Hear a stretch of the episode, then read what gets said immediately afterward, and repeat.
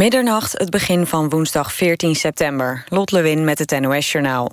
De politie heeft in de Zaandamse wijk Poelenburg... opnieuw drie mensen aangehouden. Dat meldt een wijkagent op Twitter. Het is onduidelijk wat ze gedaan zouden hebben. De wijk wordt al weken belaagd door hangjongeren... die overlast veroorzaken en mensen intimideren. Eerder heeft de politie al negen mensen in Zaandam gearresteerd. De meeste daarvan zijn weer vrijgelaten. Alleen de vlogger zit nog vast. Hij wordt verdacht van opruiing.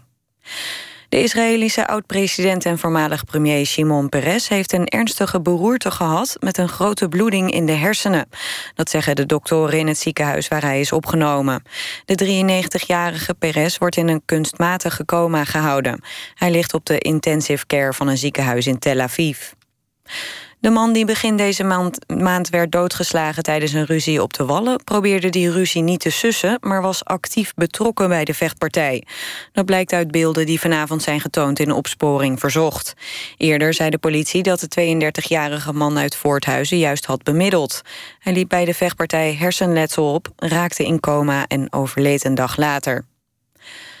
Een speciale knop voor blinden en slechtzienden om de dienstregeling te kunnen laten voorlezen bij tram- en bushaltes in Den Haag blijkt onvindbaar. De knoppen zitten bij bijna iedere halte op een andere plek en er lopen geen geleidelijnen naartoe. Volgens Omroep West weet ook bijna niemand dat de knoppen bestaan. Vervoersbedrijf HTM investeerde 100 miljoen euro in het vernieuwen van de haltes. En PSV heeft zijn eerste wedstrijd in de Champions League verloren. In Eindhoven was Atletico Madrid met 1-0 te sterk. In de eerste helft werd een doelpunt van PSV afgekeurd... en miste Gardado een strafschop. Niguez scoorde voor Atletico het enige doelpunt. En dan nog het weer. Het wordt een warme nacht met minima rond de 18 graden. Overdag is het opnieuw zonnig en warm met 29 tot 32 graden. Donderdag eerst nog zon, maar in de middag verdrijven buien de warmte. Dit was het NOS Journaal. NPO Radio 1. VPRO. Nooit meer slapen.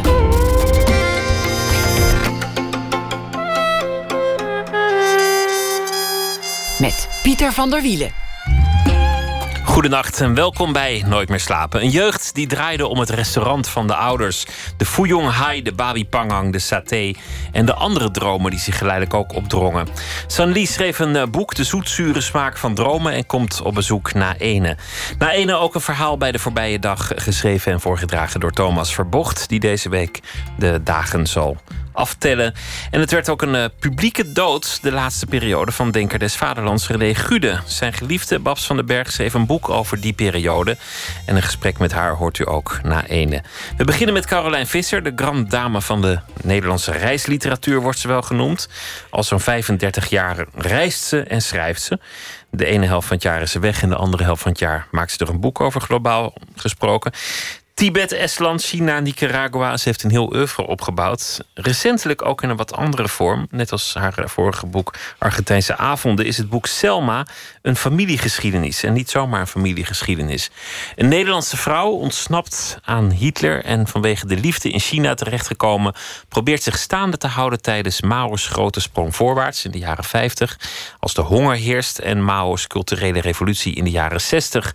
Als de vervolging van kapitalistische decadente elementen draconische vormen aanneemt. Caroline Visser zelf, geboren in 1956, groeide op in Middelburg, werd geboren in Leiden en woont, als ze niet weg is tenminste, in Amsterdam. Samen met haar uh, geliefde Wayne, die ook reisschrijver is. Welkom, Caroline Visser. Dankjewel. Ik ken mensen die, die hebben reisangst. Heb je dat wel eens meegemaakt? Mensen die dan heel nerveus zijn en dan een koffer niet dicht krijgen, of dan hun, paspoort vergeten, of die bibberend hun, ticket in, in zo'n zo machine proberen te doen, omdat ze gewoon bang zijn voor het grote vertrek. Ja, nou, vertrekken is ook, ook moeilijk. Ja, je, je, je, je moet alles weer, weer achterlaten, afbreken en uh, uh, ergens anders weer iets, iets opbouwen. Dus dat uh, vertrekken is is ook best een, eh, een grote stap. Voor jou ook? Nou, ik ga vaak voor, voor langere tijd uh, ergens heen. En dan, uh, ja, dan, dan zijn er allerlei uh, draden die je, die je door moet knippen. En dat, dat valt mij soms ook best zwaar, ja. Waarom doe je het? Ja, omdat ik dan toch weer heel erg onrustig word... en geen vrede kan vinden op één plek. En razend nieuwsgierig ben naar hoe het, hoe het ergens anders is. Wanneer begint die onrust? Je bent thuis, je, je, schrijft, misschien is je boek klaar. Op een zeker ogenblik komt je leven in die groef. Dan, begroet je de bakker en de postbode. Wanneer begint die onrust? Dat is even heel, heel fijn om, om alles weer, weer terug te vinden. En, en uh, uh, op een soort uh, automatische piloot te kunnen leven. En ik vind het ook altijd heerlijk om in Nederland weer in mijn eigen taal te kunnen leven die mis ik vaak uh, heel erg. Het is een beetje alsof iemand in je tong heeft gesneden als je in een, in een ander land bent. Je bent, bent verbaal toch wat gehandicapter dan in je eigen taal. Ja, en als je in een, uh, in, een, in een bus zit, dan kan je niet drie gesprekken tegelijkertijd volgen en precies weten waar het allemaal over gaat en waar alle afkortingen voor staan. Maar dat kan uh, in een Nederlandse trein, kan, kan, kan ik dat wel. En, uh, en dat is heerlijk. Maar na een tijd dan beginnen de dingen zich te herhalen. En uh, uh, observeer ik niet zoveel meer. Dan let ik niet meer op. En dan, dan wordt het, worden de dagen grauw. En dan, dan moet ik weg. Het is ook mooi wat je zegt, dat je in een trein drie gesprekken hoort. Daar zit al een soort enorme nieuwsgierigheid in. Een soort, soort honger om alles te weten, alles te observeren. Als, eh, meestal vind ik, als mensen praten in de trein, denk ik, houd toch je kop. Maar ik ben niet meer bezig wat ze precies zeggen.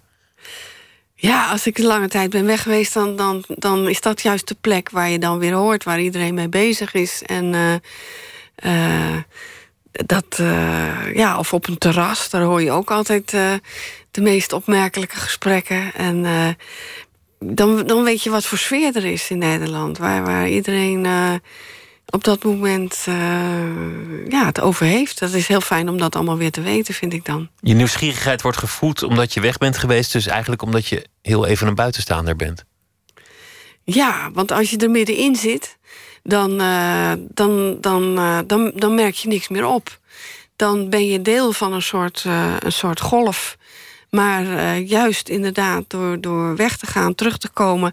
en ook ergens anders weer een buitenstaander te zijn... zie je dingen die, die, andere, die de mensen die daar altijd zijn... al, al lang niet meer opvallen. Wanneer had je dat voor het eerst, die drang om, om weg te komen? Of is die er altijd geweest? Nou, ik had het al in het klein, zeg maar, van... Uh, ik groeide op aan de rand van Middelburg. Uh, met, met ons huis keek uit over de, de velden.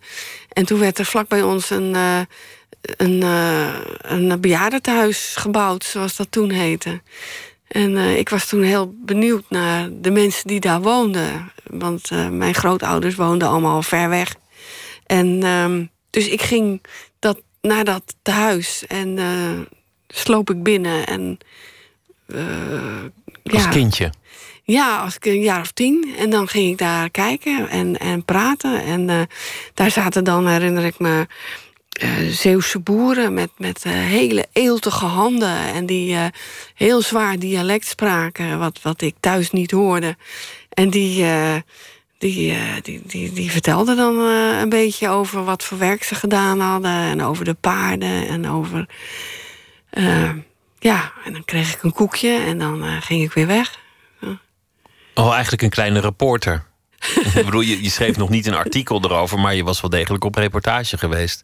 Ja, ik wilde dat, uh, ik wilde dat weten. En uh, ik ging ook wel eens uh, op de fiets langs bij, bij boerderijen, niet ver van ons huis, maar daar, daar was een totaal andere wereld. En daar had je dan schuren waar die hele grote Zeeuwse knollen stonden. En dat, uh, en, en, uh, en de boer die er dan even kwam kijken van... Uh, wat doet dat meisje daar? En, en ik had een, een kip als, als huisdier, zeg maar, in de tuin leefde die. En die vond het leuk om op de fiets mee te gaan. Dus dan ging ik met mijn kip langs bij die boerderij. En dat was dan het soort uh, aanknooppunt. Dan zei die boerin, die zei wat over die kip. En dan uh, hadden we een gesprekje. Die zag daar een beginnende veestapel en dacht, hier, kan ik mee praten. Die, die heeft ook een kip. Ja. Dat, Wa waren jullie, jullie waren import, want je bent geboren in Leiden. Je, je kwam terecht in, in Middelburg. Middelburg, uh, ja, in de jaren zestig. Toch al heel anders dan de, de mondaine stad die het nu geworden is. Waren jullie buitenstaanders? ja, ja, mijn ouders hadden, waren na, na een huwelijk naar Indonesië gegaan. onafhankelijk Indonesië. In de hoop daar iets kunnen, te kunnen bijdragen aan, aan het onafhankelijke land. En daar is mijn oudste broer geboren. Maar ja, ze vonden het toch uh, heel ingewikkeld daar. En, en, en ze waren daar ook niet echt, echt welkom uh, in die tijd. Dus toen uh, zijn ze teruggekomen en hebben ze bij de twee verschillende grootouders een tijd gewoond. En daar ben ik toen geboren. toen ze in Sassheim woonden, ben ik in Leiden geboren. En toen kreeg mijn vader een, een baan als leraar in, in Middelburg. En is het gezin naar Zeeland verhuisd. Niet gelovig waren ze, of wel? Nou, mijn vader was uh, wel uh, behoorlijk streng gereformeerd uh, opgevoed. Maar dat had hij tijdens de oorlog als jonge man had hij dat achter zich gelaten. En nee, wij werden niet, wij werden niet gelovig opgevoed. Mijn moeder was dat helemaal nooit geweest. Nee, mijn vader was socialist en lid van de P van de A en daar ook actief in. En uh, hij heette uh, Arie, maar ze noemden hem Ar. En ook wel Rode Ar. En uh, nou ja, dat was onze reputatie van ja, een rood gezin.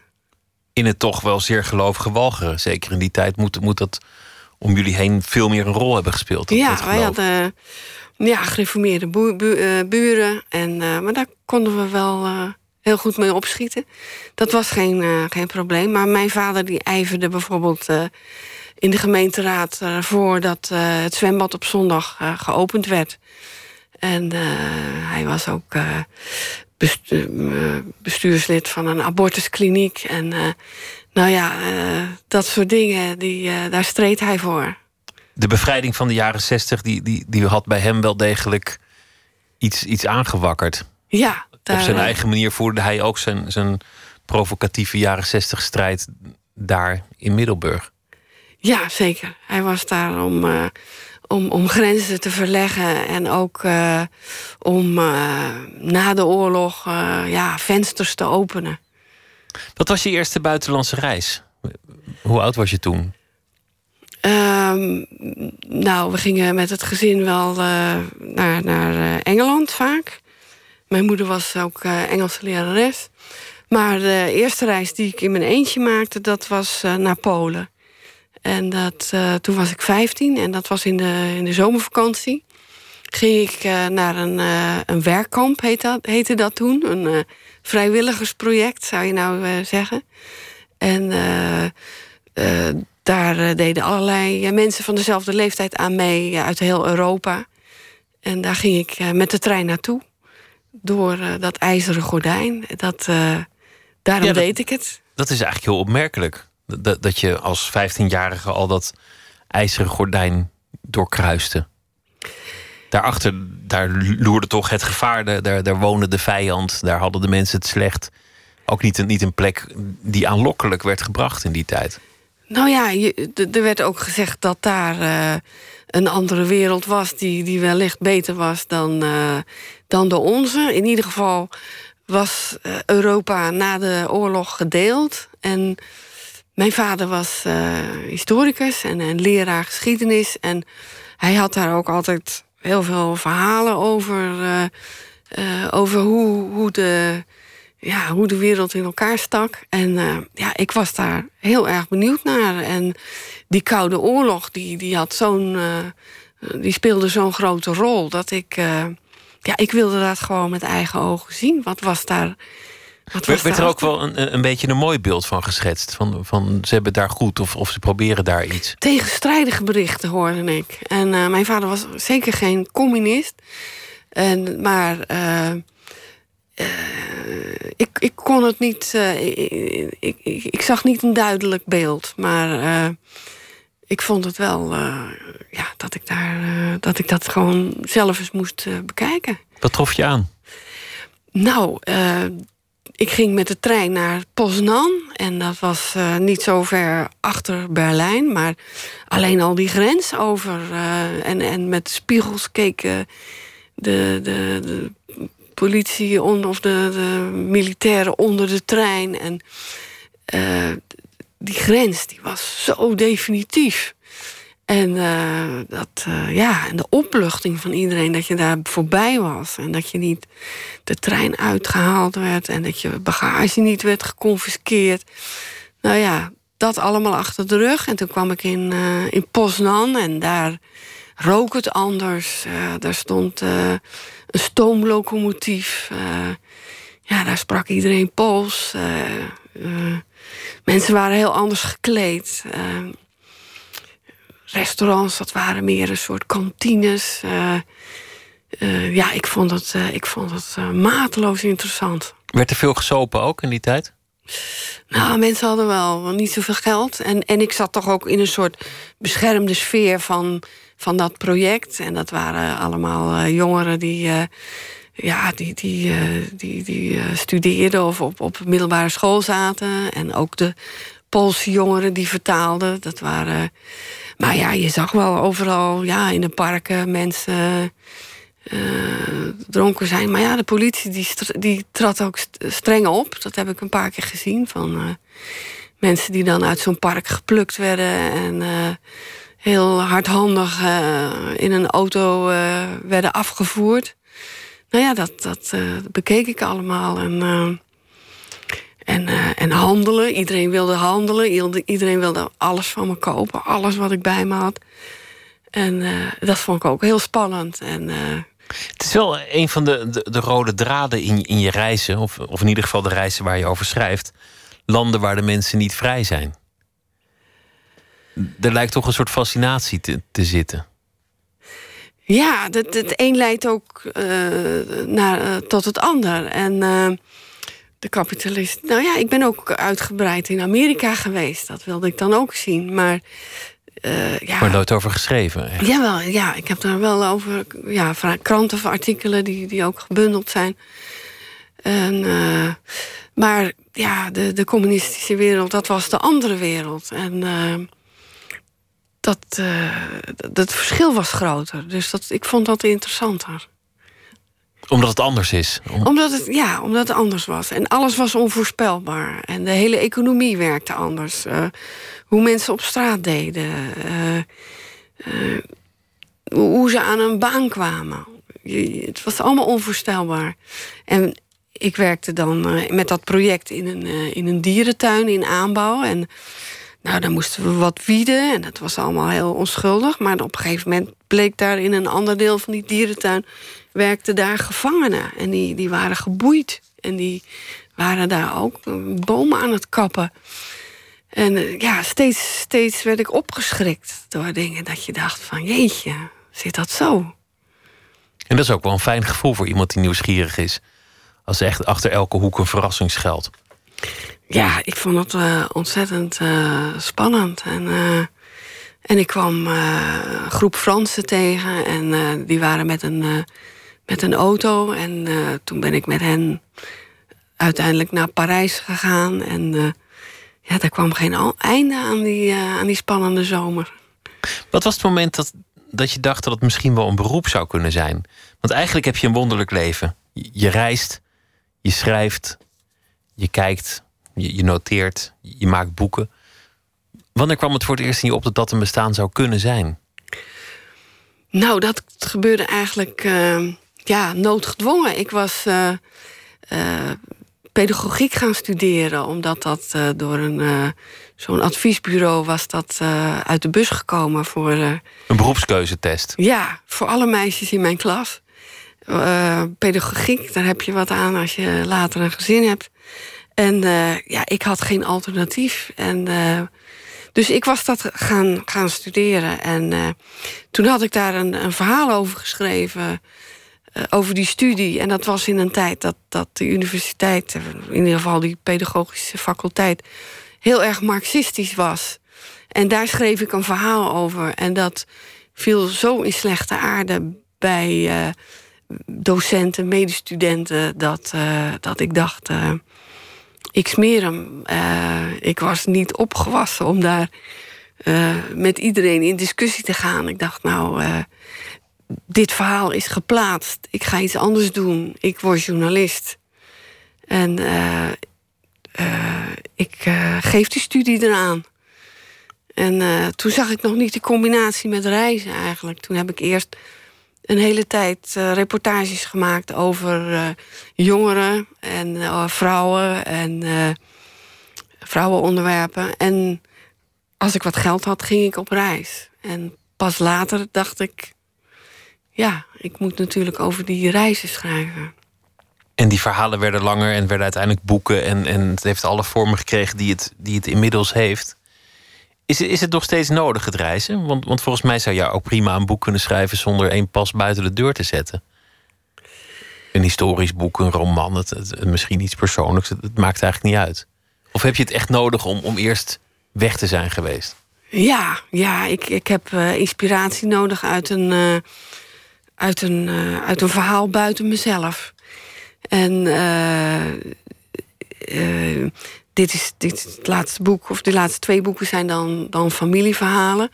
Maar die ben ik eigenlijk al reizend tegengekomen en spelen zich ook af in andere landen. En ik ben daarheen gegaan om, om dat te zien. En uh, nee, ik moet er niet aan denken om in een kamer te gaan zitten en een roman te gaan schrijven. Nee. En tijdens het reizen, want ik heb me laten vertellen dat je vaak logeert. Dat je, dat je dan ook wel eens op een matras op de grond ligt. Dat, dat je niet per definitie heel comfortabel reist. Word, word, word je het wel eens beu, het reizen? Het, het ongemak?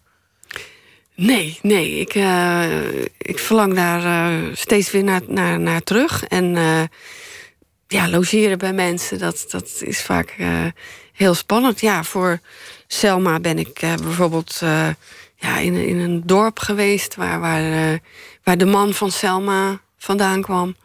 En ja, dat, dat bezoek aan dat dorp, dat maakt diepe indruk op mij. En dan, dan kom je in een. dan kom je bij mensen thuis in een, in een wereld die die zich dan opeens openbaart. En dat, dat zie je niet als je alleen maar eventjes ja, door zo'n dorp loopt. Dat is, dat is, het, het wordt steeds mooier naarmate je er langer blijft. En je moet er zijn, je moet het geroken hebben, gevoeld. En dan pas gaat het leven en kun je, kun je er iets over schrijven. Je man is ook, of, of je geliefde, die is ook reisschrijver. Hoe doen jullie dat? Spreken jullie af van we gaan allebei apart op reis? Of reizen jullie samen? Of, of gaan jullie omste beurt weg? Of, of is er eigenlijk niks in aan te brengen? Nee, ja, dat gaat zoals het gaat. Uh, Wayne is nu een boek aan het schrijven over Australië, waar hij vandaan komt. En daar is hij net geweest. En daar gaat hij dan uh, alleen naartoe. Het heeft geen zin dat ik dan meega. Hij heeft zijn eigen programma daar. En dus hij, hij, hij schrijft dat. En ondertussen was ik bezig over China. En dan, ja, lezen we zo nu en dan eens wat, wat aan elkaar voor, maar ook niet echt heel veel. Maar er zijn dus hele periodes dat jullie elkaar niet zien. Ja, ja, maar dat was al van begin af aan zo. En dat, dat bevalt ons, ons prima. Ja, dat, ik begrijp niet hoe mensen 365 dagen samen kunnen zijn. Nee. Nou ja, de liefde had natuurlijk de, de bom onder je, onder je leven kunnen zijn. Als, als er iemand was geweest die, die thuis was gaan zitten en gaan wachten tot jij ook een keer terugkwam, dan was het grote project misschien wel gesneuveld, beschadigd. Of, uh... nou, ik denk niet dat ik tegen zo iemand was aangelopen. Nee, dat had niet lang geduurd. Nee, daar, zo zou ik absoluut niet kunnen leven. Nee, iemand die op mij gaat zitten wachten, daar zou ik heel erg zenuwachtig van worden. Ik zou het hem ook ontraden, want uh, het heeft toch geen zin. Straks moeten we het maar hebben over, uh, over China, je vele reizen daar. En ook vooral over het, het verhaal van Selma, een, Nederlandse vrouw die de geschiedenis daar aan den lijve heeft ondervonden. Eerst een Ierse singer-songwriter James Vincent McMorrow. En het nummer heet I Lie Awake Every Night.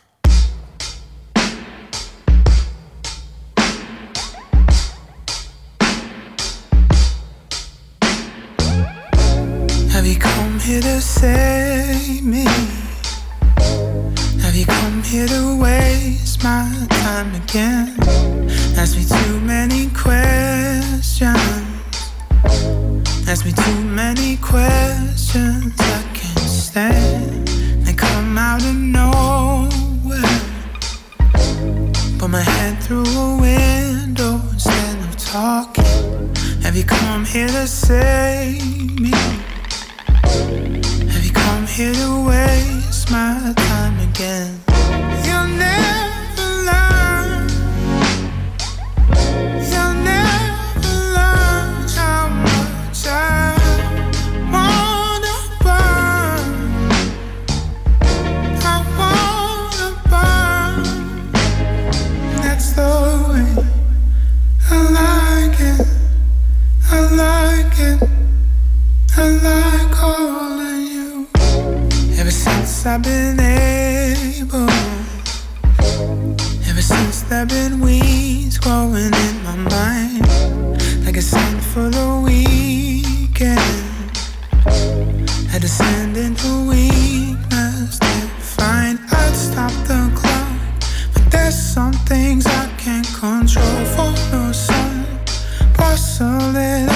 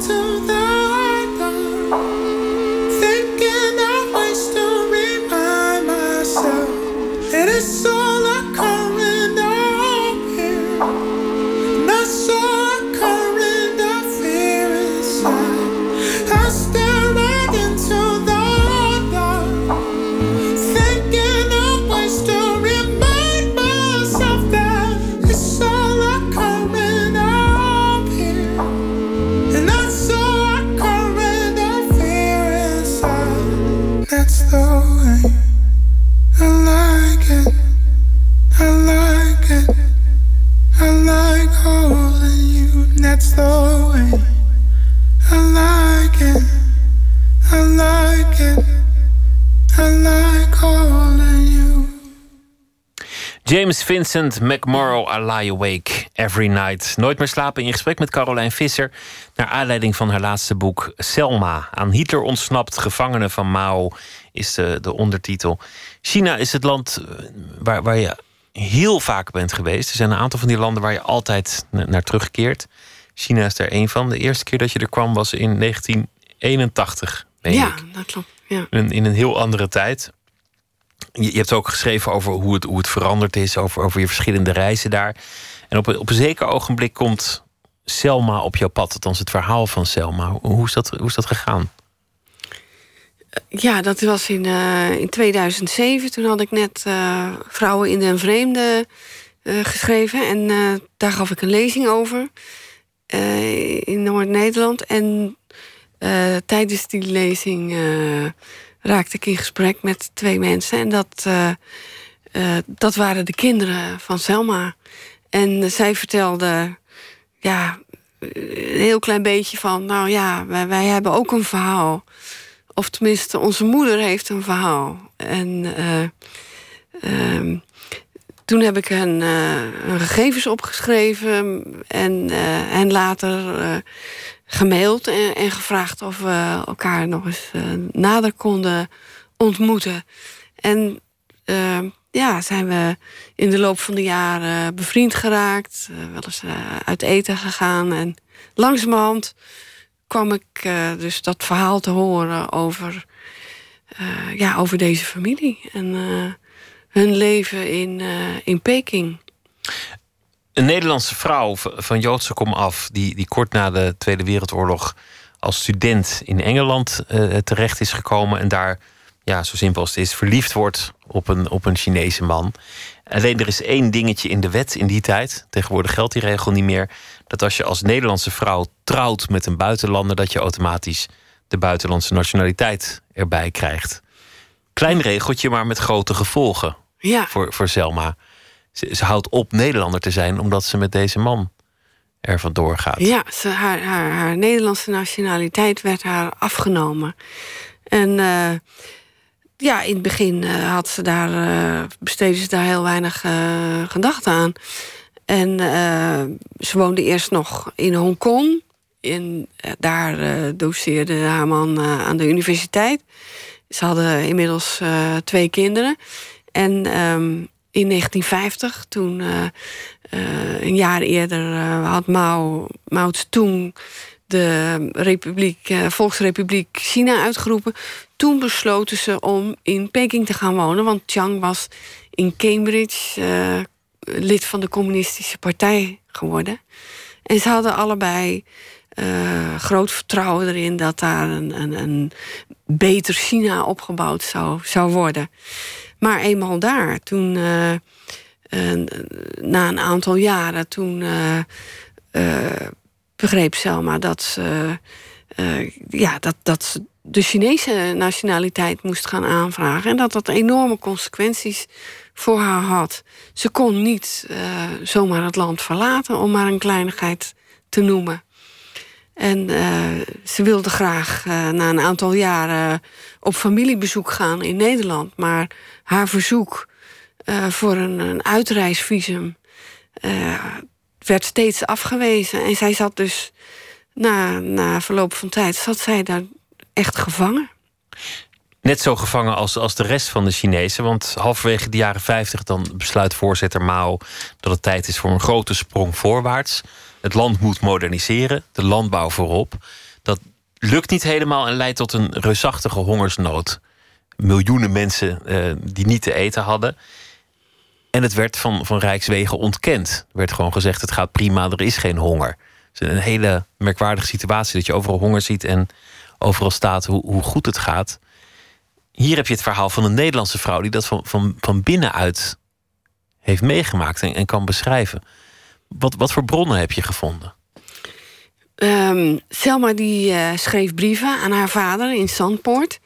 En ze had een hele sterke band met haar vader. En uh, in die brieven schrijft ze hoe het haar persoonlijk gaat. Ze schrijft over haar gezin, haar kinderen, haar huishouden. En uh, de politiek houdt ze erbuiten, omdat ze ervan uitgaat dat de censor meeleest. En, maar uh, wat ze schrijft over haar dagelijks leven, dat, dat is allemaal precies zoals het is. En, en dat geeft een, een hele mooie inkijk in, in hoe het toeging daar in Peking. Maar hoe kom je dan toch te weten hoe zij bijvoorbeeld die honger ervoer, wanneer zij toch die brieven een beetje neutraal moest houden om, om, om de censor erbuiten te laten? Wel, uh, de kinderen van, uh, van Selma, die ik dus uh, die ik ontmoette tijdens die lezing. Die wisten ook nog heel veel uit, uit eerste die, hand. Die wisten daar heel veel van, van te herinneren. En allerlei gebeurtenissen die Selma even aanstipt in haar brieven, konden zij dan helemaal toelichten. En er waren allerlei andere mensen die, die, zij, die zij kenden in Peking, die, die we hebben opgespoord. En die nu verspreid over de hele wereld leven. buitenlanders waar zij bevriend mee was in, in Peking, die ook over hun leven schreven, die, die publiceerden boeken. Dat heb ik erbij bij gehaald. Um, in 1966 is één keer is het haar gelukt om naar Nederland een bezoek te brengen. Toen heeft ze veel verteld aan haar drie halfbroers. En uh, die, die weten dat nog zich te herinneren. Ze, allerlei vrienden heeft ze toen ook gesproken. Heel veel bronnen, dus, dus eigenlijk een heel rijk, rijk assortiment aan, aan informatie. 1966, ze, ze, komt dan uiteindelijk naar Nederland. Dan, dan wordt het regime wat versoepeld, lijkt het. Ze, ze kan een keer naar Nederland komen, maar ze, ze kan ook een Nederlands paspoort krijgen. Het lijkt eigenlijk allemaal wat, wat soepeler te worden. Maar tegelijk vinden twee dingen plaats. Aan de ene kant de grote culturele revolutie van Mao. De boel wordt wat aangescherpt. Er wordt eigenlijk een, een strijd gevoerd tegen alle elementen die niet communistisch zijn in, in China. En in Nederland is er het Lassers-incident. Wat, wat was dat Lassers-incident? Ja, een, een, krankzinnige gebeurtenis. Van in, uh, in, in Den Haag uh, valt een, een, een man uit het raam uh, van, van de derde verdieping. En dat, dat, dat zien buurtbewoners. En die zien ook hoe, die man gewond datzelfde pand weer binnen wordt gesleept door een aantal Chinezen. En die man is zelf ook Chinees. En um, dat, daar wordt de politie bij gebeld, een ambulance. En uh, deze gewonde man wordt naar het, uh, naar het ziekenhuis vervoerd in Den Haag. En uh, hij, hij wordt naar de operatiezaal gebracht. En dan komen er opeens Chinese diplomaten binnengestormd die die man met brancaren al uh, ontvoeren, het, ziekenhuis uitnemen.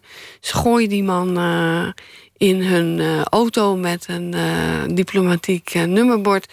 En ze rijden met hem zo het ambassade, ambassadeterrein op. En nou, dat is Chinees grondgebied. Dus daar kan de politie hen niet, niet achtervolgen.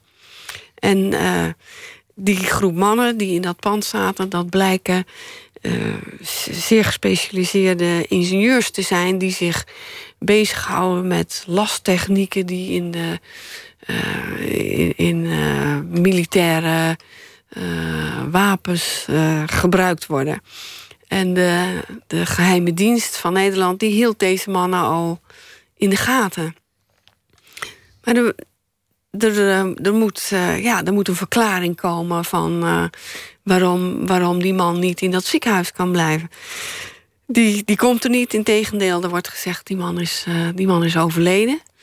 En na heel veel moeite wordt het lijk dan naar een crematorium gebracht. En daar wordt het geconfiskeerd door de Nederlandse autoriteiten, die dan uitzoeken hoe die man aan zijn einde is gekomen. Was hij uit het raam gegooid of geslagen? Eh. Een diplomatiek incident ja. tussen, tussen Nederland en China. Dat ook als gevolg heeft dat, dat de, de Chinese ambassade door de politie wordt omsingeld. En andersom ook het, de vertegenwoordiging in China door, de, door het Chinese leger wordt omsingeld. En Selma kan dan niet haar visum aanvragen. En reist Nederland uit op het Chinese paspoort. Dat blijkt later ook weer heel ingewikkeld. Want ze wordt vervolgd als ze eenmaal terug in China is. Die grote culturele revolutie van Mao betekende gewoon... de geheime politie die, die ging overal de boel overhoop halen... om te kijken of mensen wel trouw waren aan, aan het regime. Hoe, gebeurde dat in, in haar leven? Hoe, kwamen zij ineens daaronder te liggen? Um, haar man die had een, een hoge functie in een, uh, in een wetenschappelijk instituut. En uh, hij had in het buitenland gestudeerd. En iedereen die connecties had met, uh, met het buitenland en met de wereld van voordat de communisten de macht hadden, die, die was verdacht. Dus hij was al meteen al in, in grote problemen. En uh, Selma als buitenlandse was ook een doelwit. En zij kon zich niet verweren met een buitenlands paspoort. Ze had een Chinees paspoort en ze was als Chinees, uh, teruggekomen. Dus ja, zij, zij, zij was weerloos. En de, er werd besloten om naast haar man ook haar te arresteren. Zij werden gearresteerd. Ik ga niet, niet zeggen hoe het afliep, maar het loopt slecht af. De kinderen die worden op een zeker ogenblik naar het platteland gestuurd. Ook een soort van Verbannen. Verbannen eigenlijk, naar, naar, naar zeer primitieve omstandigheden. Wat ik zo wonderlijk vond, is om het te lezen en dan de jaartallen erbij. 1968, 1966, 1972. Dit, is een heel moderne tijd. Ja, voor ons, terwijl wij hier uh, ja, aan het roken waren en uh, steeds rijker werden en voor het eerst op verre vakanties gingen, ja, zat dat land totaal op slot. En waren miljoenen mensen naar het platteland ver verbannen. En um, ook heel veel mensen die jarenlang in de gevangenis hebben gezeten. Dat, ja, dat gebeurde tegelijkertijd. Dat, dat vond ik ook Hoe is het om dat, om dat te realiseren? Om dat nu na te reizen met twee kinderen die, van wie het jonge leven zo getekend is door, door die geschiedenis, die nu volwassen zijn, die jou dan op dat pad brengen en die jou meenemen naar al die plekken waar dat zich heeft afgespeeld. Hoe was het? Was het, was het een emotionele reis? Ja, dat was heel emotioneel. En uh, ik maakte die uh, alleen met de zoon, Dop. Uh, Greta die werkte toen nog en die had niet zoveel tijd. En, en die had ook niet zoveel zin in die hele reconstructie van, van al die gebeurtenissen. Die vond te pijnlijk ook. Te pijnlijk, ja. En uh, Dop die, die zag het als zijn taak om, uh, om mij daarbij uh, te be begeleiden. En ja, dat was soms heel, heel aangrijpend om, om plaats terug te zien.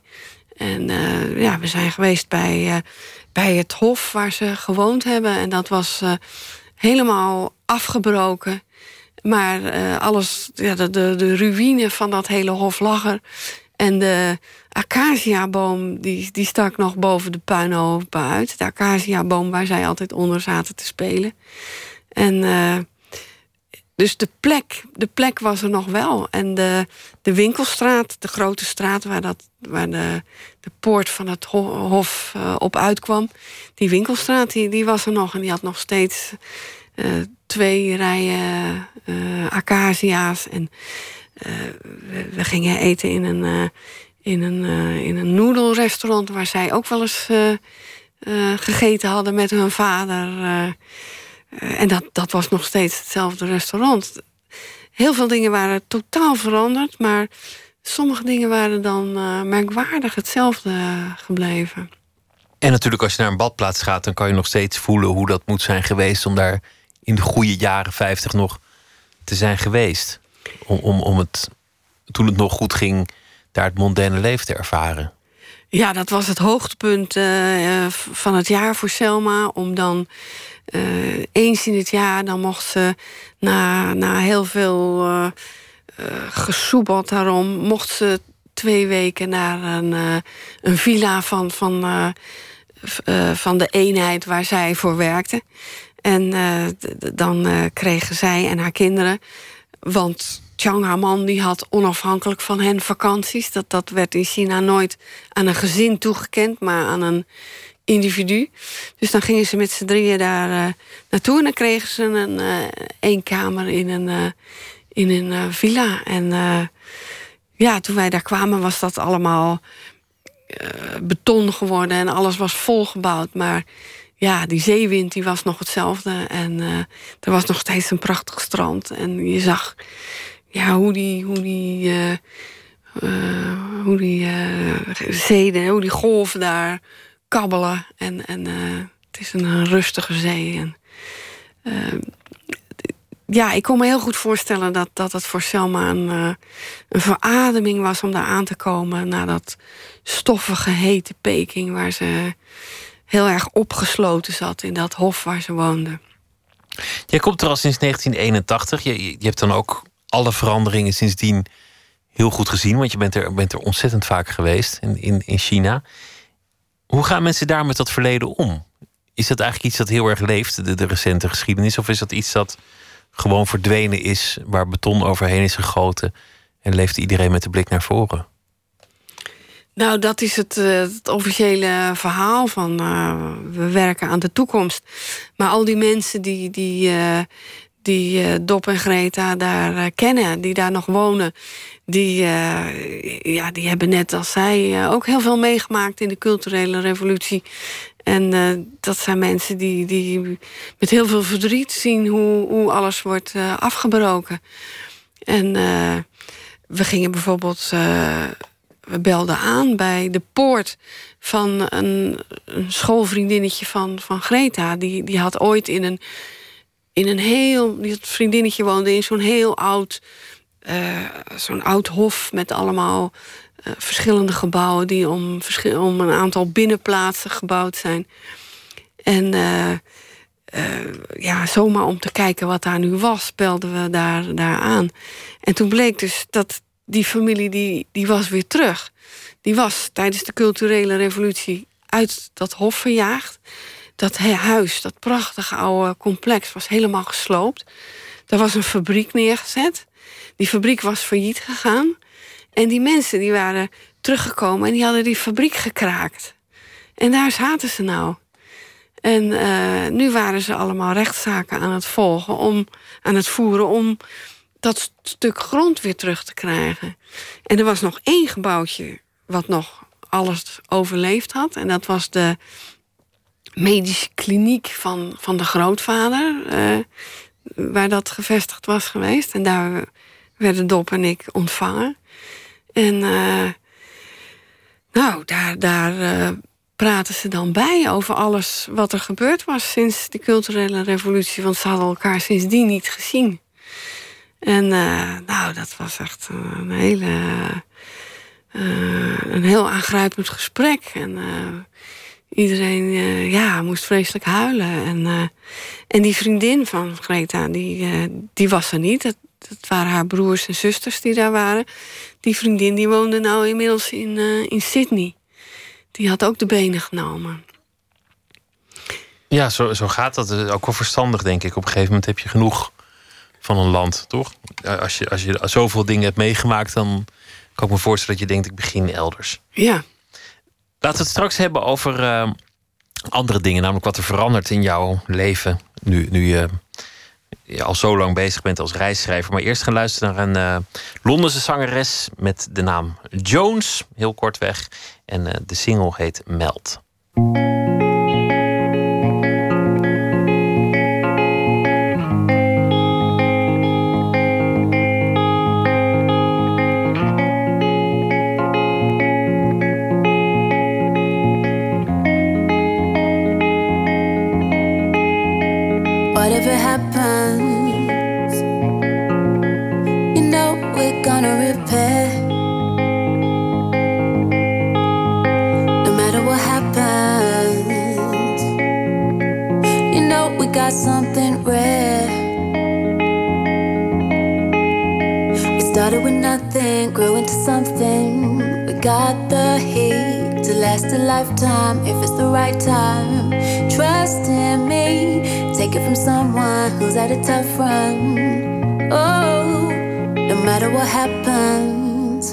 Matter what happens, we got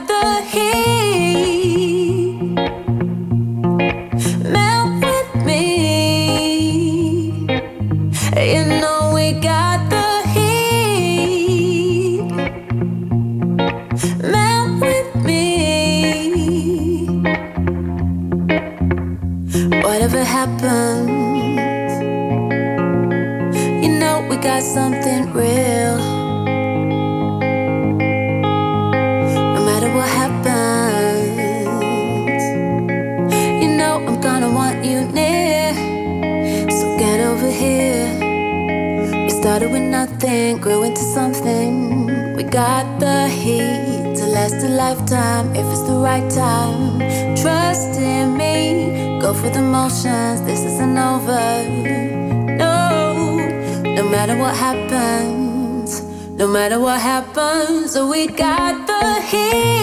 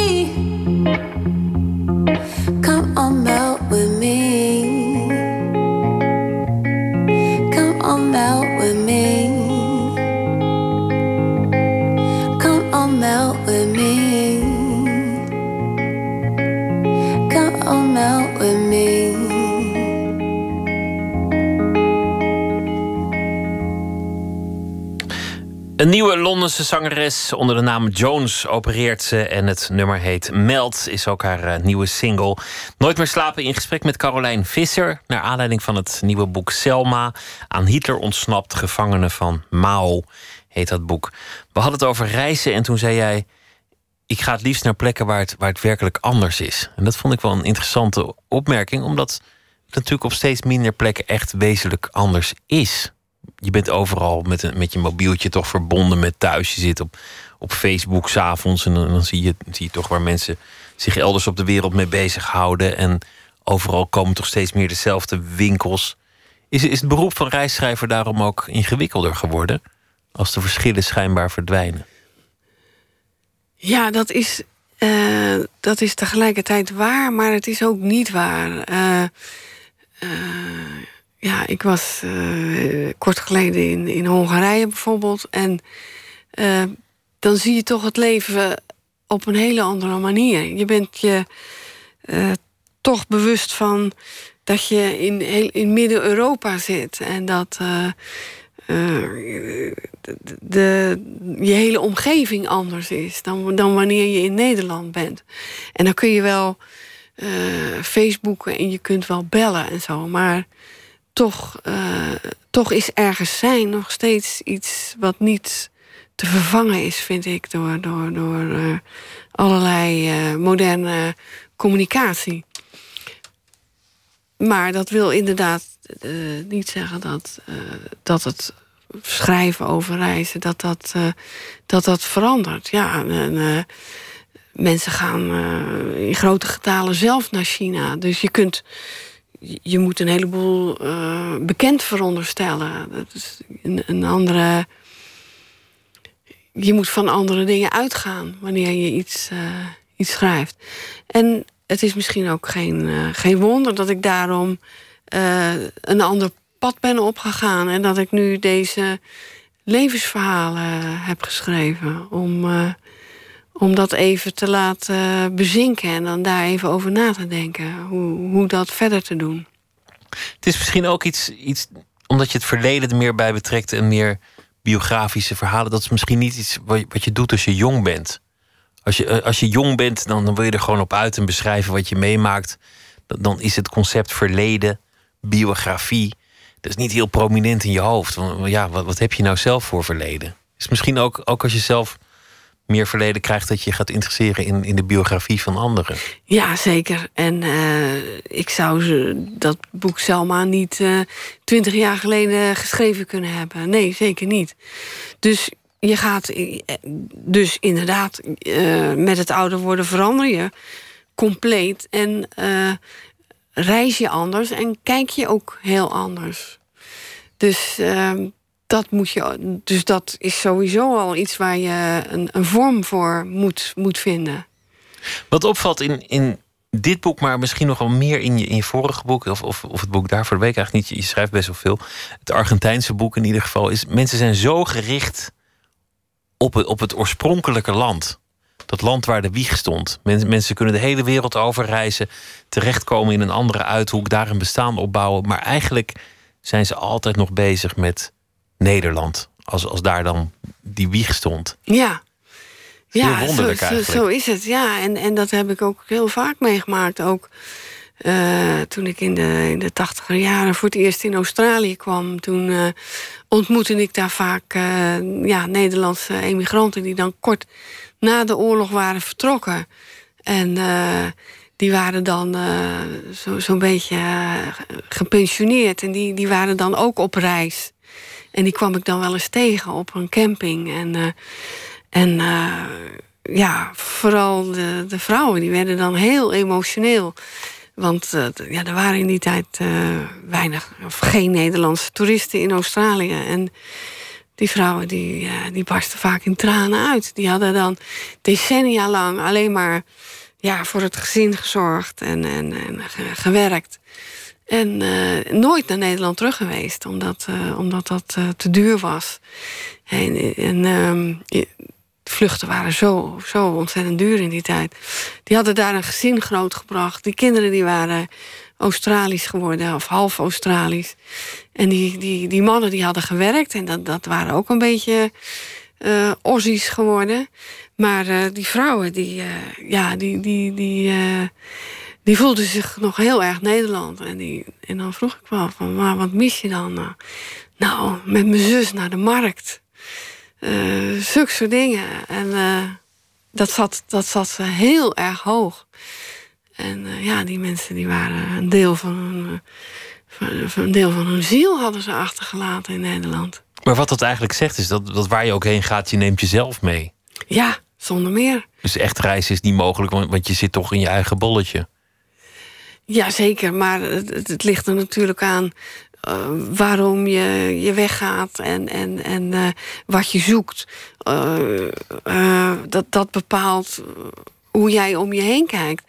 Die, die mensen die, die vertrokken na de Tweede Wereldoorlog. dat geldt voor, voor Argentijnse avonden en voor Selma en voor die Nederlanders in Australië. Die vertrokken omdat ze hier niet konden, niet konden blijven. Er was, er was hier geen werk, er waren hier geen woningen.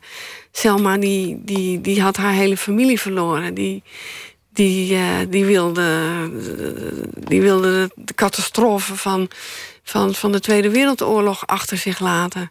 Dat, dat is een heel ander uitgangspunt dan voor mij. Uh, ik, ik ga ergens heen omdat, uh, omdat ik nieuwsgierig ben hoe, de, hoe, dat, hoe het daar is. En dan vervolgens ook weer, want dat is een andere kant van je werk, jezelf langdurig opsluiten op, op een kamer om het uit te werken. Wat, wat juist weer tegenovergesteld is, want dan ben je heel erg gebonden aan één plek. Dan, dan ga je er juist niet op uit, dan blijf je binnen en dan zit je in die kamer te, te schrijven. Bijna een schizofreen bestaan. Ja, dat, uh, ja, dat, dat, uh, dat is het ook. En uh, nu dit boek af is, ja, dan heb ik het gevoel dat ik mezelf weer helemaal open moet vouwen, eigenlijk. om, om, om weer dat andere leven te kunnen gaan leiden. Maar ja, ik vind die afwisseling heel prettig. En als ik die. Als ik niet, niet zou schrijven, dan, dan zou ik het moeilijk vinden om om te besluiten wat ik nou eigenlijk zoek op reis. Dan zou je daar lethargisch vervelen, zoals, zoals een toerist dat doet. Ja, dan, dan, dan heeft zo'n verblijf uh, weinig doel. En dan, uh, de, ja, inderdaad, dan, dan haalt, het, uh, haalt het de essentie van mijn reis verdwijnt. Ik, ja, ik ben altijd op zoek naar een, naar een verhaal. En dat is mijn, mijn leidraad. Wat doe je verder eigenlijk als je dan op reis gaat in het voetspoor van iemand of met een bepaald thema en je bent aan het werk?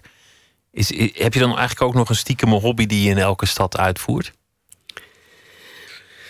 Stiekem hobby. Um, naast lekker eten of. Ja, eh, bijvoorbeeld. Ja, of, of, of een verzameling dat je altijd op zoek gaat naar, uh, naar, naar bieretiketten of zo. Nee, nee, dat. Uh... Nee, dat niet. Nee, ik ben bezig met dat verhaal. En, en uh, uh, nee, verder heb ik niet een, een soort. Een, nee, ik zoek mensen op. ik maak notities. Ik lees dingen. Nee, ik ben daar echt wel heel erg gefocust mee bezig. Echt volledig in dat ene verhaal. En dat is dan ook echt de reis die je op dat moment aan, aan het maken bent. Het boek heet Selma. En uh, ik dank je voor je komst en wens je heel veel succes met alles wat je verder gaat doen. En met alle reizen en al het schrijven. Carolijn Visser, dank je wel. Hartelijk dank. Zometeen uh, gaan we verder met Nooit meer slapen. Thomas Verbocht die heeft een verhaal geschreven bij De Voorbije Dag. Twitter, het VPRO NMS. We zitten op Facebook. En u kunt zich abonneren op de podcast via de website van de VPRO of via iTunes.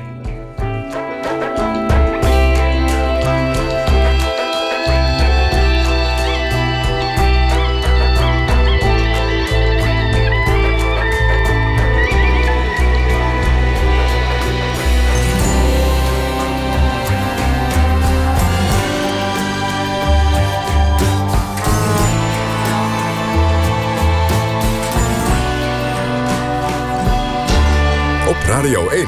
Het nieuws van alle kanten.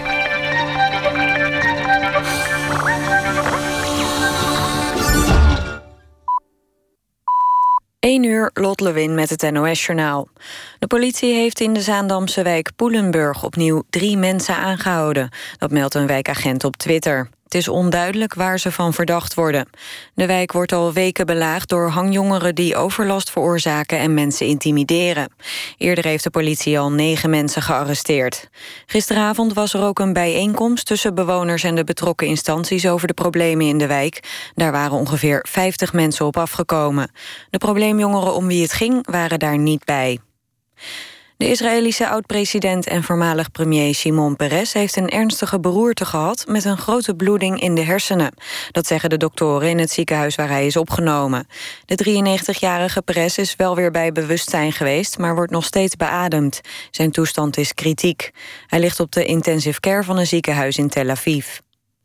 Een Turks ziekenhuis opent binnenkort een vestiging in Amsterdam. Mensen kunnen vanaf 1 december terecht in het medisch centrum... voor onder meer diagnostisch onderzoek, polyklinische behandelingen... en kleine operatieve ingrepen. Het concern Acibadem bezit nu 38 ziekenhuizen en klinieken...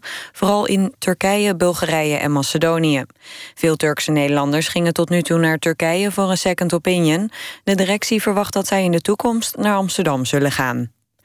En PSV heeft zijn eerste wedstrijd in de Champions League verloren. In Eindhoven was Atletico Madrid met 1-0 te sterk. In de eerste helft werd een doelpunt van PSV afgekeurd... en miste Guardado een strafschop. Niguez scoorde voor Atletico het enige doelpunt. En dan nog het weer. Het wordt een warme nacht met minima rond de 18 graden. Overdag is het opnieuw zonnig en warm met 29 tot 32 graden. Donderdag eerst nog zon, maar in de middag verdrijven buien de warmte.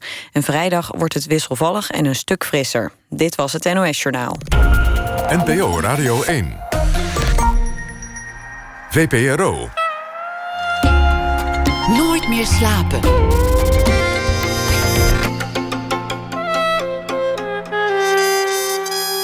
Met Pieter van der Wielen. Het verhaal van Babs van den Berg, de vrouw van René Gude, de denker des vaderlands, begon met een argeloos bericht aan vrienden. Niemand wist toen nog dat het de eerste aankondiging was van de botkanker, waaraan de filosoof zeven jaar later zou overlijden. Zometeen hoort u Babs van den Berg, die terugblikt in een boek Wat kan mij gebeuren?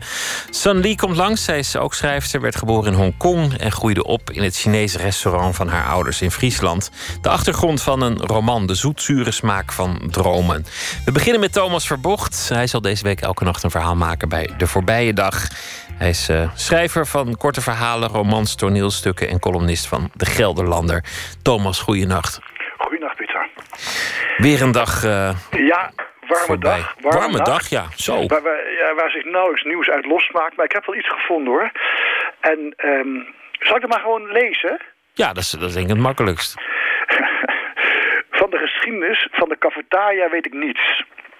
Bij ons in de buurt was vroeger een cafetaria dat geen cafetaria heette, maar snelbuffet. Ik zeg er meteen bij dat ik niet vind dat vroeger alles beter was, want dat was het niet. Maar aan dit snelbuffet denk ik met groot genoegen en zelfs met ontzag terug. Er waren vijf producten te koop. Een broodje kaas, een broodje ham, patat friet, de knakworst en op een zilverkleurig kartonnen schaaltje iets wat een slaatje genoemd werd. Dat slaatje was door de uitbater van het snelbuffet zelf gemaakt, net als natuurlijk de patatfriet. De zaak was lichtgeel betegeld en brandschoon, de verlichting meedogenloos fel. De uitbater had een hagelwitte jas aan. Soms verlang ik naar zijn overzichtelijke, simpele en smakelijke aanbod terug. Zeker nu ik vandaag, rond een uur of vier, een bericht las dat ik, inmiddels negen uur later, nog steeds niet in mijn systeem heb gekregen. En het is ook geen bericht dat de, wereld, dat de wereld in kan op de warmste 13 september ooit. Ik vind het bericht zelfs een beetje obscene. Het stond in het parool. Een restaurateur uit Amsterdam heeft een nieuwe snack geïntroduceerd. En dat is een kroket die gevuld is met de inhoud van een frikandel.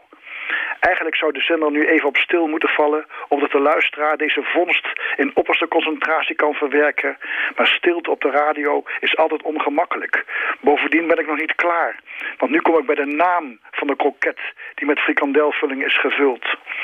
En ik moet zeggen dat ik me over heel veel heen moet zeggen om het, zetten om het woord uit te spreken. Maar ik doe het toch. Het product heet krokodel. Echt waar. Ik zeg het nog een keer. Krokodel. Vanuit, het snack, vanuit de snackbarwereld is er al serieuze interesse voor.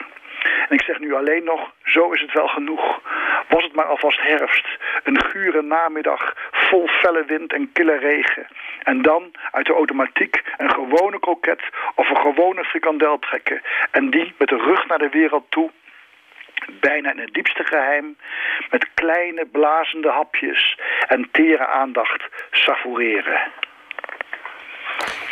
Zo is het. Was het maar herfst. Was er maar, maar ja, bladen. veel, veel beter voor ons karakter ook, dat het herfst wordt. Wind en, en, en regen hebben we nodig. En, en, Ja. en hagel en, en, en, en de krokodil. Ja, Ja, ja, Pieter, schrik je ook niet van het woord? Of denk je, ja, ja, dat, iemand het bedenkt en dan ook denkt... Eureka, ik heb het. Ik ja ben er. over vergaderd natuurlijk, hè, over zo'n woord. Ja, oh, dus nog over vergaderd natuurlijk. Denk ik, denk ik Ja. natuurlijk. Dus gebrainstormd en dan krijg je krokodil. Ja, dus, ja dus het, is, het is heel moeilijk, denk ik. En het is ook waarschijnlijk gedeponeerd. Het staat op iemands naam. ja, ik denk het ook. Ik denk het ook. Nou ja, eh, wij, zijn, wij zijn geen mannen die zeggen... het moet niet veel gekker worden, maar nu zeggen we het wel. Het moet niet veel gekker worden, vind je wel?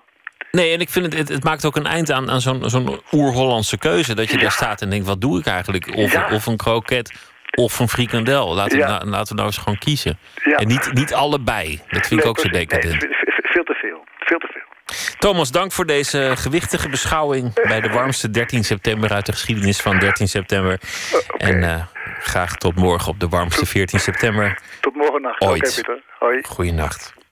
De jaren negentig. En eh, toen waren er heel veel van die bands, zoals de Posies. En die waren allemaal dan weer beïnvloed door de Amerikaanse band Big Star. En eh 25 jaar later heb je dan de Schotse band Teenage Fanclub. En die zitten in hetzelfde lijntje. Hun nieuwe album heet Heer en het nummer heet I Have Nothing More to Say.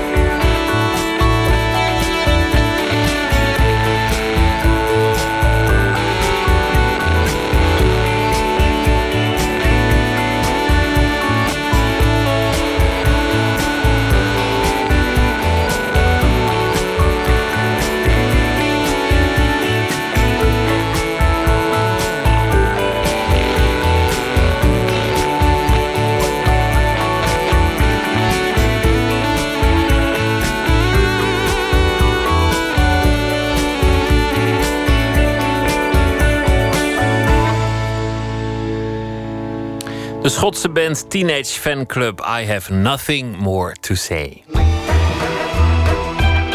Nooit meer slapen. Het is alweer bijna anderhalf jaar geleden dat filosoof en denker des vaderlands René Gude overleed aan de gevolgen van kanker. Zeven jaar is hij ziek geweest. Leeft uiteindelijk iets langer dan de dokters aanvankelijk dachten. Maar hij is doodgegaan thuis op zijn woonboot in Amsterdam Noord. In bijzijn van zijn vrouw Babs. Babs van den Berg, met wie hij uh, zijn leven doorbracht. Zeven jaar lang heeft ze voor hem gezorgd in moeilijke tijden. En in die moeilijke tijden schreef ze ook mails om de vriendenkring op de hoogte te houden van hoe het ging met de ziekte en het eh, verloop van de beide levens. Die mails die zijn gebundeld en van nadere tekst voorzien in een boek. Wat kan mij gebeuren, is daarvan de titel. Vorige week is dat uitgekomen. Verslaggever Matthijs Deen ging naar de woonboot in Amsterdam Noord en sprak daar met Babs van den Berg.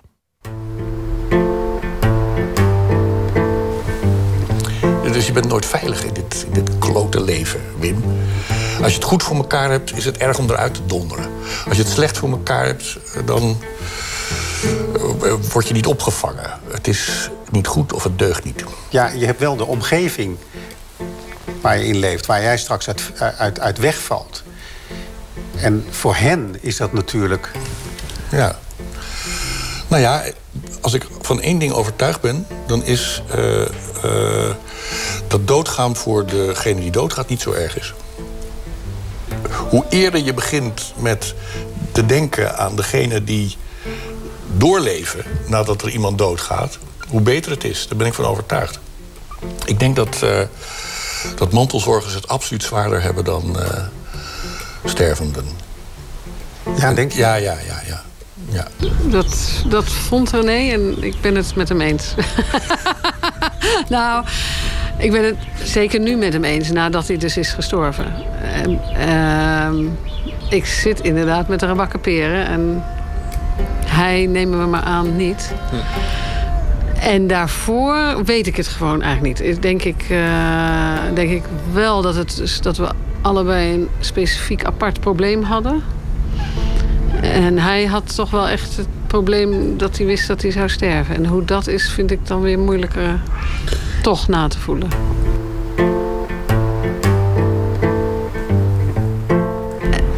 Op een bepaalde manier is, is dat natuurlijk ook waar wij met z'n allen in zitten.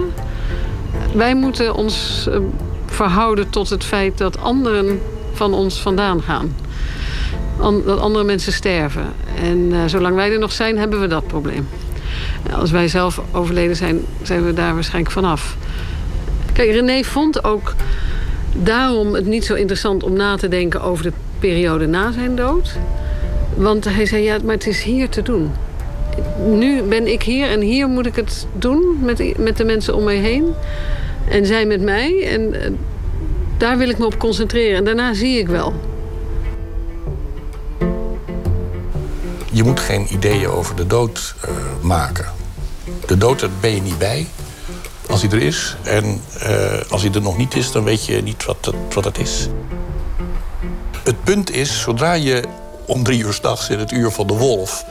je een enorm sterke voorstelling gaat maken van hoe de dood zou kunnen zijn... dat je er niet meer bent en je, je begint daar een beetje over na te denken... dan ben je dus met iets bezig dat zich nog niet heeft voorgedaan... dat jij ook nog nooit beleefd hebt. Dus dat een volstrekt onempirisch ding is. Dus je begint jezelf verstandelijke uh, voorstellingen, verbeeldingen van de situatie voor te toveren.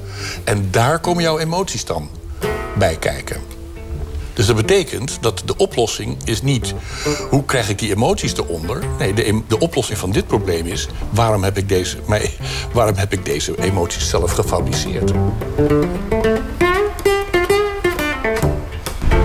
het is gewoon heerlijk om naar hem te luisteren. En het is ook. Uh, ik was ook van hem onder de indruk. Maar je krijgt zoiets dat Nederland denkt van... God, kan die man goed doodgaan? ja, ja, ja, ja. Nou, nou, maar dat mag toch best. dat is ook een kunst, uh, sterven. Dus dat, mag, dat compliment mag hij best krijgen. Was het ook zo? Vind je achteraf ook dat hij dat echt heel goed heeft gedaan? Ja, ik vind dat hij het heel goed gedaan heeft. Het was niet dood eenvoudig. ook hij vond het niet dood eenvoudig. Uh, en dat merkten we vooral in de laatste maanden. bijvoorbeeld. Um, rond euthanasie. Dat, dat hadden we geregeld. Eh, daar was René ook wel een klassiek uh, geval voor... waarin dat best aan de hand uh, kon zijn en geweest. En, maar dan was het wel op het moment dat hij aangaf, zou geven... dat het ondraaglijk zou zijn. En daar voegde zich dan toch bij tijd en wijle wel eens af... wanneer bel ik nou, hè, wanneer bel ik nou die arts? En, en uh, dat was best een vraagstuk voor hem en ook wel voor mij. Ja, want, want op het moment dat hij zegt het is nu ondraaglijk... dan disqualificeert hij ook al jouw zorg. Hè? Want jij probeert het natuurlijk heel erg draaglijk voor hem te houden. Ja, dat klopt. Maar nou, tegen wat, de benauwdheid die hij op een gegeven moment moest ondergaan... kon ik ook op niks meer beginnen. En de, en de artsen, de huisarts en de thuiszorg hebben van alles geprobeerd... om dat nou, zo goed mogelijk uh, onder controle te krijgen. Maar hij had bij tijd en wijle per dag een aantal enorme benauwdheidsaanvallen en daarmee paniekaanvallen. En dat, dat dat onhoudbaar is, ja, dat kon ik me wel op een gegeven moment goed voorstellen. In feite is hij dan voor het eerst echt onbruikbaar? Ja, ja, dat, ja klopt. Dat is waar, ja. Begint dan het doodgaan eigenlijk al? Begint dan het afscheid al? Of hoe zit dat eigenlijk? Nee, nee. Voor mij was uh, het moment dat hij echt dood was... Is, was volslagen andere toestand dan daarvoor. Ja.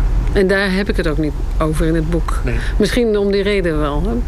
Dan treedt er iets heel anders in. Ja, iets, ja, iets compleet anders. Ja. En dat bleek dus ook zo te zijn. Ja, goed. De dood is gekomen. En nu is de herinnering aan alles wat erover gezegd is is er nou iets uit die periode waarvan je zegt... ja, dat heeft echt ook de praktijk weerstaan? Dat, dat klopt gewoon, als, als ik nu terugkijk. Jeetje. Nou, ik denk dat ik uiteindelijk... Uh, maar het is ook een beetje een gelukje... dat, dat uh, ik niet zozeer geneigd ben om uh, op de bank te gaan liggen huilen... maar eerder dan toch maar doe alsof er niks aan de hand is het is ontzettend lastig om, om je steeds bewust te zijn van het feit dat er iets aan het aflopen is. Want daar heb je eigenlijk geen categorieën voor in het dagelijks leven. Je leeft altijd alsof het voor het oneindige is. En dat, dat ben ik toch ook maar weer grotendeels gaan doen. Met dit verschil dat ik heel af en toe, uh, met name met mijn vrouw Babs, het onderwerp echt uh, op tafel gelegd heb. En er uitvoerig over ben gaan kletsen wat staat is inderdaad dat hij... Dat René maakte een... Die zei altijd van, je kunt op de bank gaan liggen huilen. En je, of je kunt net doen of er niks aan de hand is. Maar ik stel voor dat je iets ertussenin gaat doen. En, en dat heeft hij ook echt zelf heel erg gedaan. En dus in die zin... Hij heeft het nooit ontkend. Maar, maar hij leefde alsof hij het nog heel lang vol zou houden. Ik denk ook wel dat René indruk heeft gemaakt bij mensen op mensen die hij niet kende doordat hij ook inderdaad voorleefde wat hij zei dat je moest doen. En dus hij, hij, hij, krukte naar de wereld daardoor en dan ging hij het zeggen. Met, met enorm veel emoties, maar hij deed het. Hij. Dus misschien dat het, juist die combinatie ook dus wel indruk heeft gemaakt op veel mensen. Ja, want ik kan me voorstellen dat je zegt, nou, wat het meest stand blijft houden is een filosofie van het dagelijks leven. Van, van hoe je hoe je het praktisch doet. Ja. En niet zozeer over de grote woorden of thema's of iets dergelijks. Nee, dat klopt. Dat klopt. Ja, en, en over wat dat, wat dat bootje, dit roeibootje betreft, die metafoor. Ja, je moet hem, uh, wil je hem nog even zeggen? Ja, ik, ik, wil hem zeggen. Op een gegeven moment, René zegt... Het, het, beeld is dus, je zit in een speedboot normaal gesproken. En dat is ook prima, want dan gebeurt er wat. Uh, en het is ook leuk om ambities te hebben enzovoort. Maar op een gegeven moment moet je overstappen van die enorme speedboot in een roeibootje. En een roeibootje is heel grappig. Dat, dan draai je dus je rug naar, je, naar waar je op afvaart toe. En je ziet juist wel ja. uh, wat er achter je gebeurt. En je ziet juist wel je eigen kielzog. En daar eens naar te kijken en daarmee te, in te berusten. Dat goed te vinden. En dat deed hij dus ook wel bij tijd en wijle. Hoewel hij dan soms toch wel weer even in een skif in ieder geval ging zitten. En heel hard ging roeien. Om snel vooruit te komen toch nog maar. Uh, en ik heb me pas later, dus toen ik dit boek schreef gemerkt dat inderdaad hij in de roeiboot zat en ik, ik in de volgboot vooruit ging. En dus in een ander schuitje zat. Ik zat in een ander schuitje op dat moment dan hij, vanaf dat moment. Ja, dat is ook een beetje een eenzame Ja. constatering. Ja, dat is ook een beetje een eenzame constatering voor ons beiden. En ja, we hadden natuurlijk alle mogelijke manieren om contact met elkaar te onderhouden. Maar, en dat deden we ook. En dat was heel innig, maar het, eh, ja, opeens was er dus wel een ander perspectief voor ons beiden. Maar hoe train je de omstanders, die mensen in die kring om je heen? Nou, er zijn veel meer mogelijkheden om contact te houden met anderen. Laten we zeggen dat je niet in je individuele roes troost of overwinning of eer zoekt, maar in de club die je met elkaar vormt, dan denk ik inderdaad dat filosofie een van de manieren is om jezelf te verbeteren in de omgang met anderen. En om dat gesprek, dat voortdurende gesprek, waaraan we voortdurend deelnemen, om dat beter te voeren, daarvoor is filosofie een hele goede.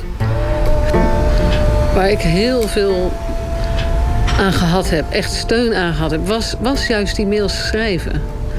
En aan mensen, dus delen met mensen wat wij, ehm, hebben, wat wij meemaakten. Waardoor ze ook onmiddellijk bereid waren. Dus niet alleen omdat ze René aardig vonden, maar Ja, jou ook. Hè? ja, mij, nee, maar ook omdat ik ze op de hoogte hield. Dat, dat vinden mensen fijn, maar dat is zelf ook heel fijn. Dus eh, probeer mensen te vinden en probeer een vorm te vinden waarin je eh, ook je kleinste zorgjes. Voor je het weet is er iemand die zegt: Oh, maar dat vind ik leuk om te doen. Hè? Het hout te hakken. Of, of, of de tuin voor je te doen. Of eh, zaterdag kom ik. Ja. En dat is weer een zorg minder. Dus het boek is niet alleen over jou en over René en over mantelzorg en doodgaan, maar het is eigenlijk ook voor al die mensen. Ik hoop dat het een voorbeeld is. En dan vooral in, in, in deze zin. Dat, dat delen helpt. Want René deed het en ik deed het. En ik doe het nu opnieuw met, met dat boek.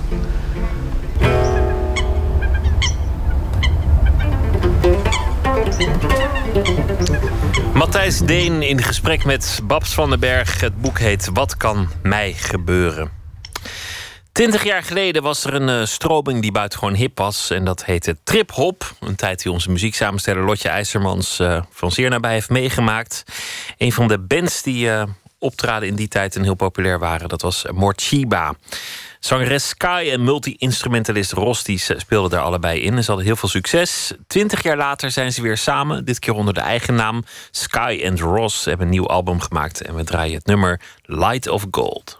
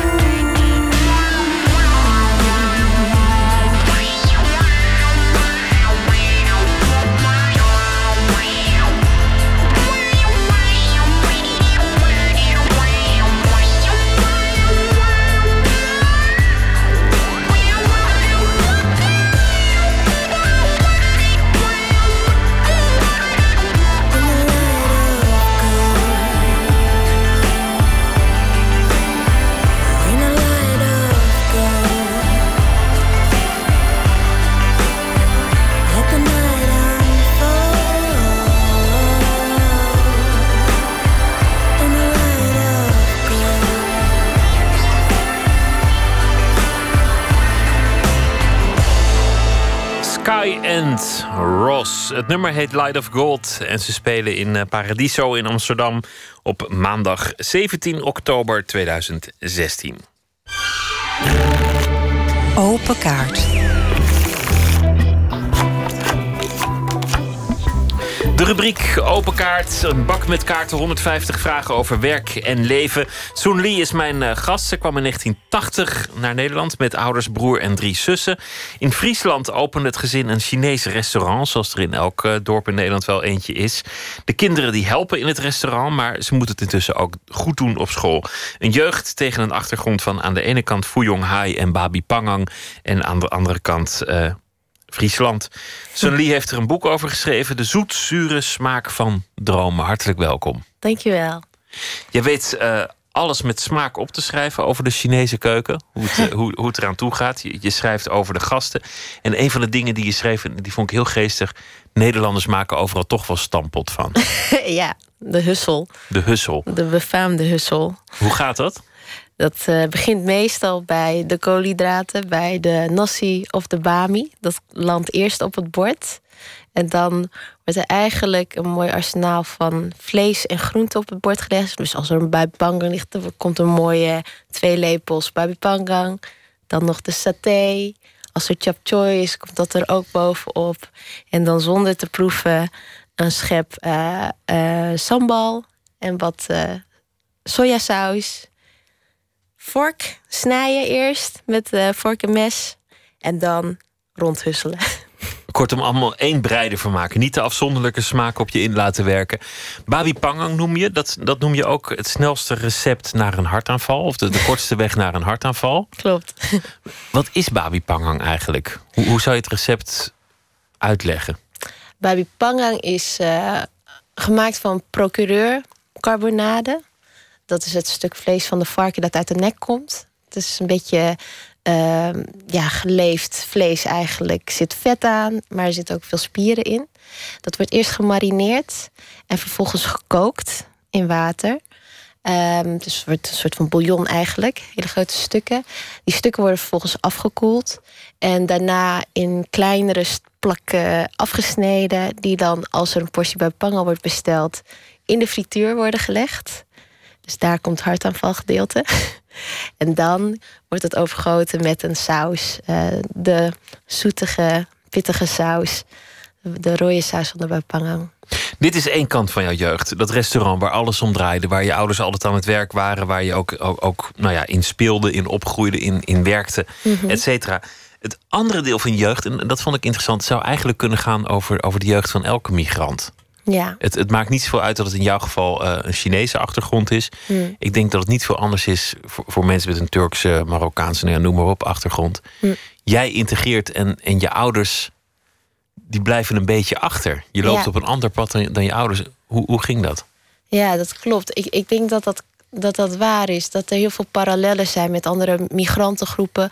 En zelfs misschien uh, groepen mensen die zijn opgegroeid met ouders die van echt een hele andere generatie zijn. Um, dat ging, denk ik, op een manier dat heel natuurlijk is. Je gaat naar school en uh, daar zag ik dan hoe kinderen daar dingen aanpakten. En dat wilde ik nadoen. Uh, daar werd natuurlijk ook van me verwacht dat ik gewoon meedeed. Um, en dan kwam ik thuis en dan alles wat ik in het Nederlands had geleerd... moest weer even uitgezet worden. En dat moest dan vertaald worden naar Hakka, het type Chinees dat we thuis spraken. Um, en dan moest ik daar weer aan die um, leefregels voldoen.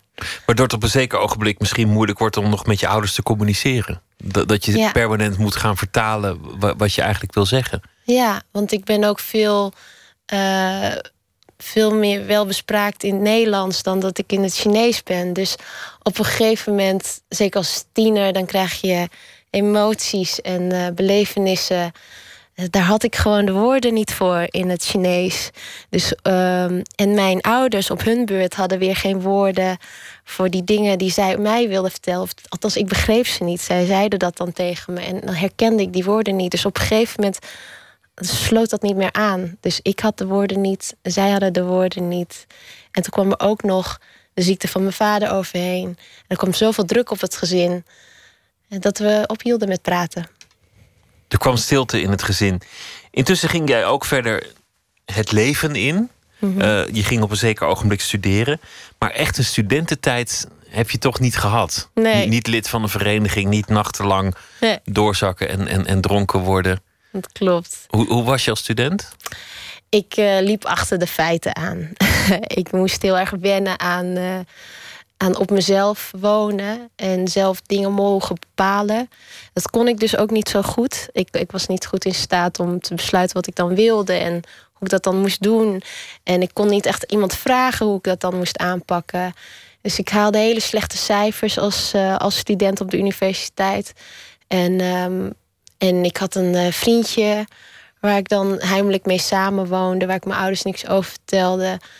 En dat was, ja, dat was heel moeilijk. Dus dat, dat, dat ging helemaal niet lekker. En pas toen ik een eh, goede vriendin kreeg, ehm, die het wel heel goed deed en bij wie ik mijn ei kwijt kon, toen is dat pas echt goed gegaan. Toen, weet je, ik, ik studeerde gelukkig nog in een tijd dat je nog een laadbloeier kon zijn. En ik bloeide heel, heel laat. En, en er kwam natuurlijk ook onvermijdelijk de confrontatie tussen eh, het een en het ander. Namelijk studeren en een carrière maken voor jezelf. Of Ja. dat restaurant in.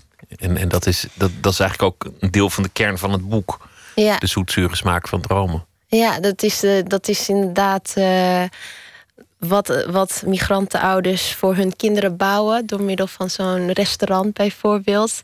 Is een middel om de kinderen een beter leven te geven, een betere toekomst. Eh, wordt op een gegeven moment ook een soort van doel. Want dat is het enige wat mijn ouders hebben kunnen opbouwen eigenlijk. En het is ook voor hun zonde om dat te zien, dat ten onder te zien gaan als het ware. Maar het was al vrij duidelijk dat ik echt helemaal geen interesse had eh, om in dat restaurant verder te gaan. En eh, hoewel dat moeilijk was, heb ik eigenlijk tijdens mijn studie, toen ik een stage ging lopen bij een bank, eh, tegen mijn moeder gezegd: van, Nou ja, sorry hoor, maar ik kan niet ook nog in het weekend thuiskomen om te werken. Ik kap hiermee. En daarin ben ik denk ik wel eh, assertiever geweest dan eh, mijn broer en zussen, die ouder zijn dan ik en nog echt in China zijn opgegroeid. En veel meer toch, denk ik, de loyaliteitszin en ehm, het onderwerp aan het collectieve eh, veel meer in zich hebben dan ik. Er is veel meer wat, wat, wat moois aan het boek. Ook de beschrijvingen van de, van de. Die, die stevast op zondag Chinees gaan eten en dan altijd ruzie krijgen, bijvoorbeeld. Dat vond ik heel leuk om te lezen. Maar, maar ook de wrijving van het opgroeien tussen twee culturen. En de, de schoolreisjes waar dan ineens frikadellen of, eh, of spaghetti worden, worden geserveerd. En, en hoe jij dat dan weer zag. Maar we gaan nu beginnen met de kaarten. Dus ik wil je vragen om eh, een kaart te trekken uit, Het midden. uit het midden. Oeh. Waar erger je je aan? Het meest aan mezelf. Ja, jezelf. ja, ik ben, eh, ik ben heel impulsief en ik eh, ben een kletskous. En, en ik zeg soms dingen dat ik denk, ach, dit is gewoon niet handig. Of eh, ik ben heel onhandig en ik stoot me aan allerlei dingen de hele tijd. En ik laat dingen vallen. Is heel erg aan mezelf eigenlijk. Je bent kritisch op jezelf. Ik ben kritisch op mezelf. Dat is een hele goede samenvatting inderdaad. Nou, tot op zekere hoogte een goede eigenschap, maar je moet het niet overdrijven natuurlijk. Nee, en ik probeer minder streng voor mezelf te zijn. Ehm, maar ja, ja, het is toch moeilijk. Ik wil toch altijd weer beter, beter doen. Dat zit wel diep. Dat is wel iets eh, wat van huis uit heel erg mee is gegeven, denk ik. Eh, altijd de wens om beter te worden. Altijd de wens om jezelf te verbeteren. En eh, ja, dat gaat er niet zo makkelijk uit, denk ik. Is dat iets Chinees? Ja, ik denk wel dat het Chinees kritisch zijn is, denk ik, iets wat er in ons gezin althans eh, heel normaal was. Laten we nog een kaart eh, trekken. Meer achter in het midden. Eh, deze. Wat had je eigenlijk willen worden? Mooie vraag. Ik ben nu al iets anders geworden dan ik had verwacht, denk Dit ik. is de eigenlijk, want er was een ander pad uitgestippeld. Ja, ja ik heb rechten gestudeerd. Ehm, en dat ik schrijf, een boek zou schrijven, dat had ik eigenlijk niet zo goed verwacht. Ehm, ik was wel altijd bezig met het creatieve. Ik wilde eigenlijk kunstacademie eh, gaan doen na mijn middelbare school. En ik dacht eigenlijk dat ik schilder of kunstenaar zou worden. En als kind, als kind wilde ik uh, danseres worden. dus het zit wel, er zitten wel allemaal creatieve elementen in. Uh, dus dat ik toch een beetje van dat rechte pad ben afgelopen, dat is wel. Uh, ja, dat is denk ik al een, een traject geweest dat ik op weg ben naar datgene wat ik eigenlijk wilde worden. Neem nog een kaart. Vind je dat je genoeg verdient? Ja. Je hebt niet, niet behoefte aan meer geld? Nee, ik heb een heel rijk leven. Ik uh, werk uh, veel in de ontwikkelingssamenwerking. Uh, dus heel veel in uh, ontwikkelingslanden. Ik zie hele grote verschillen daar, maar ook met hier. En de rijkdom die we hier in Nederland hebben, dat, is echt niet iets om over te klagen. En nou heb ik het geluk dat ik een universitaire studie heb kunnen doen. En dat ik een uh, bijpassende baan heb weten te vinden. Dus daardoor heb ik zoveel financiële zekerheid gekregen. Um, dat ik me niet zorgen maak over, over wat ik verdien. En uh, dat is heel anders dan toen ik studeerde. Want toen ik studeerde lag ik heel vaak wakker. Dacht ik van, kan ik die boeken wel betalen? Dan moet ik weer collegegeld betalen. Ik moet de huur weer betalen. En daar maakte ik me altijd zorgen om. En daarom ging ik ook altijd heel veel werken daarnaast. Heel veel bijbaantjes. Uh, en dat gevoel is er niet meer. Maar thuis moet het waarschijnlijk ook wel erg op, op geld en, en, en materie gericht zijn geweest. Omdat je schrijft dat je vader de migratie aanvankelijk had bedoeld als een hit-and-run actie. Even naar Europa, heel veel geld verdienen en dan mm terug zodra dat geld binnen is. Hmm. Ja, dat was, dat was een beetje overdreven in het boek. Maar wel, mijn ouders hadden niet verwacht dat ze hun leven in Nederland zouden slijten. Dat zo gaat het voor heel, voor heel veel migranten gaat ja. het zo. Ja, ik las dat boek van uh, Paul Scheffer jaren geleden. Um, en daarin beschrijft hij precies hetzelfde. En dan heeft hij het eigenlijk over de Turkse en de Marokkaanse gemeenschap ook mensen die denken van nou, we gaan even investeren in onze, in onze financiële positie. We gaan even een paar jaar in Nederland werken en dan gaan we weer terug naar huis. En dan gaan we daar wonen. En ik denk dat mijn ouders dat precies op dezelfde manier hadden gedaan. En dus in het begin ook helemaal niet het gevoel hadden dat ze heel veel integratieactiviteiten moesten doen. Want ze zouden toch wel weer teruggaan naar China. Maar aanvankelijk dus ook volledig gericht op, op werken, geld verdienen, zuinig leven. Ja, ja, zij zijn en dat is echt een realisatie die ik heb gekregen tijdens het schrijven van het boek. Zij zijn opgegroeid met zoveel schaarste. Met echte honger. Met, uh, niet, zonder de mogelijkheid om te studeren. Zonder de mogelijkheid om de kinderen naar de dokter te brengen als ze heel ziek zijn.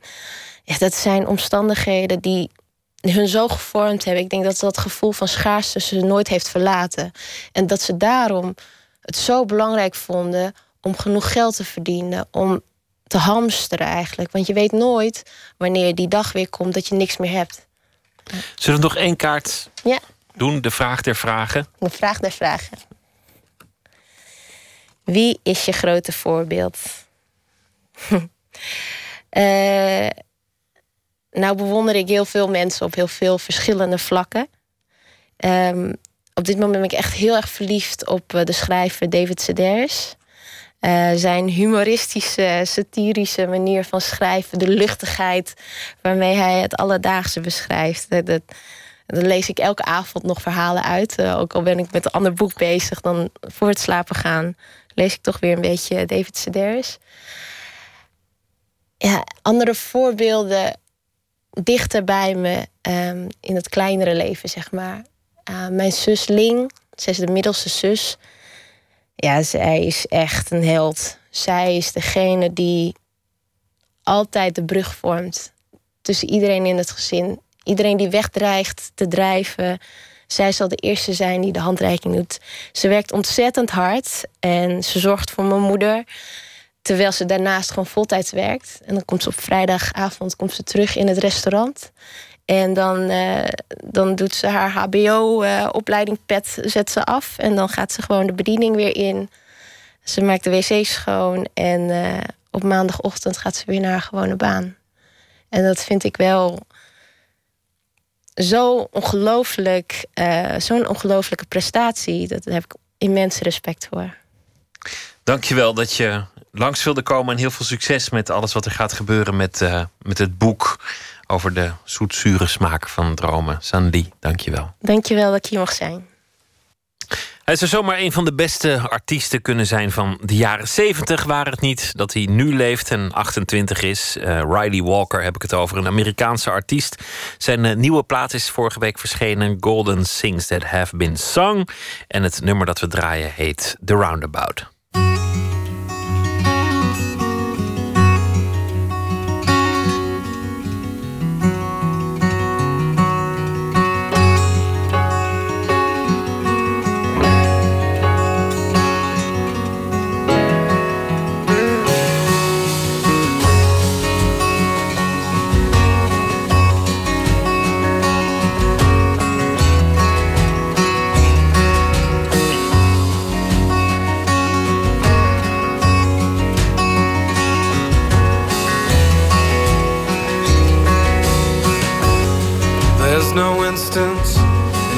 Conscience or convenience. Even though you stand on heavy shoulders.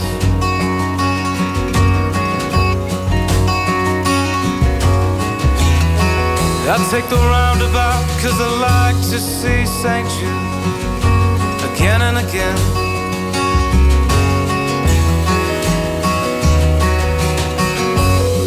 Hands folded in prayer. God, do you write prescriptions? Goddamn, my signature's fake.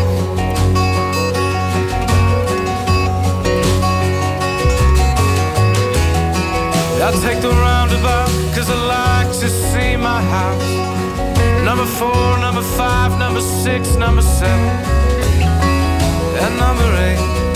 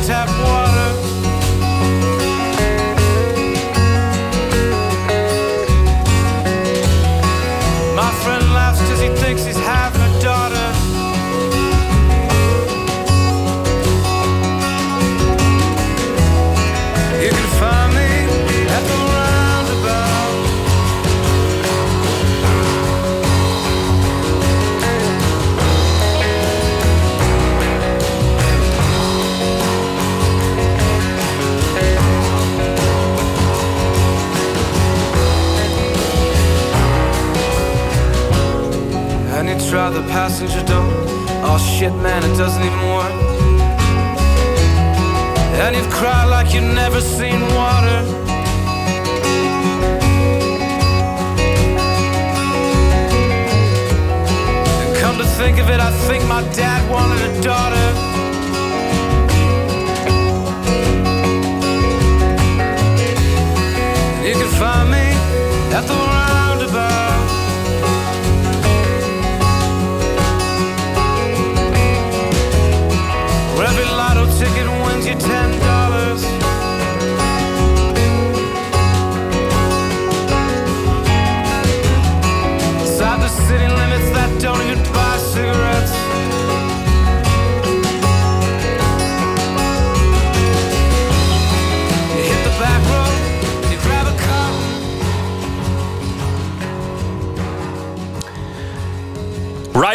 Was dat. En uh, onder zijn fans kan hij ook Robert Plant rekenen van uh, Led Zeppelin. En 7 november speelt hij in de Tolhuistuin in Amsterdam.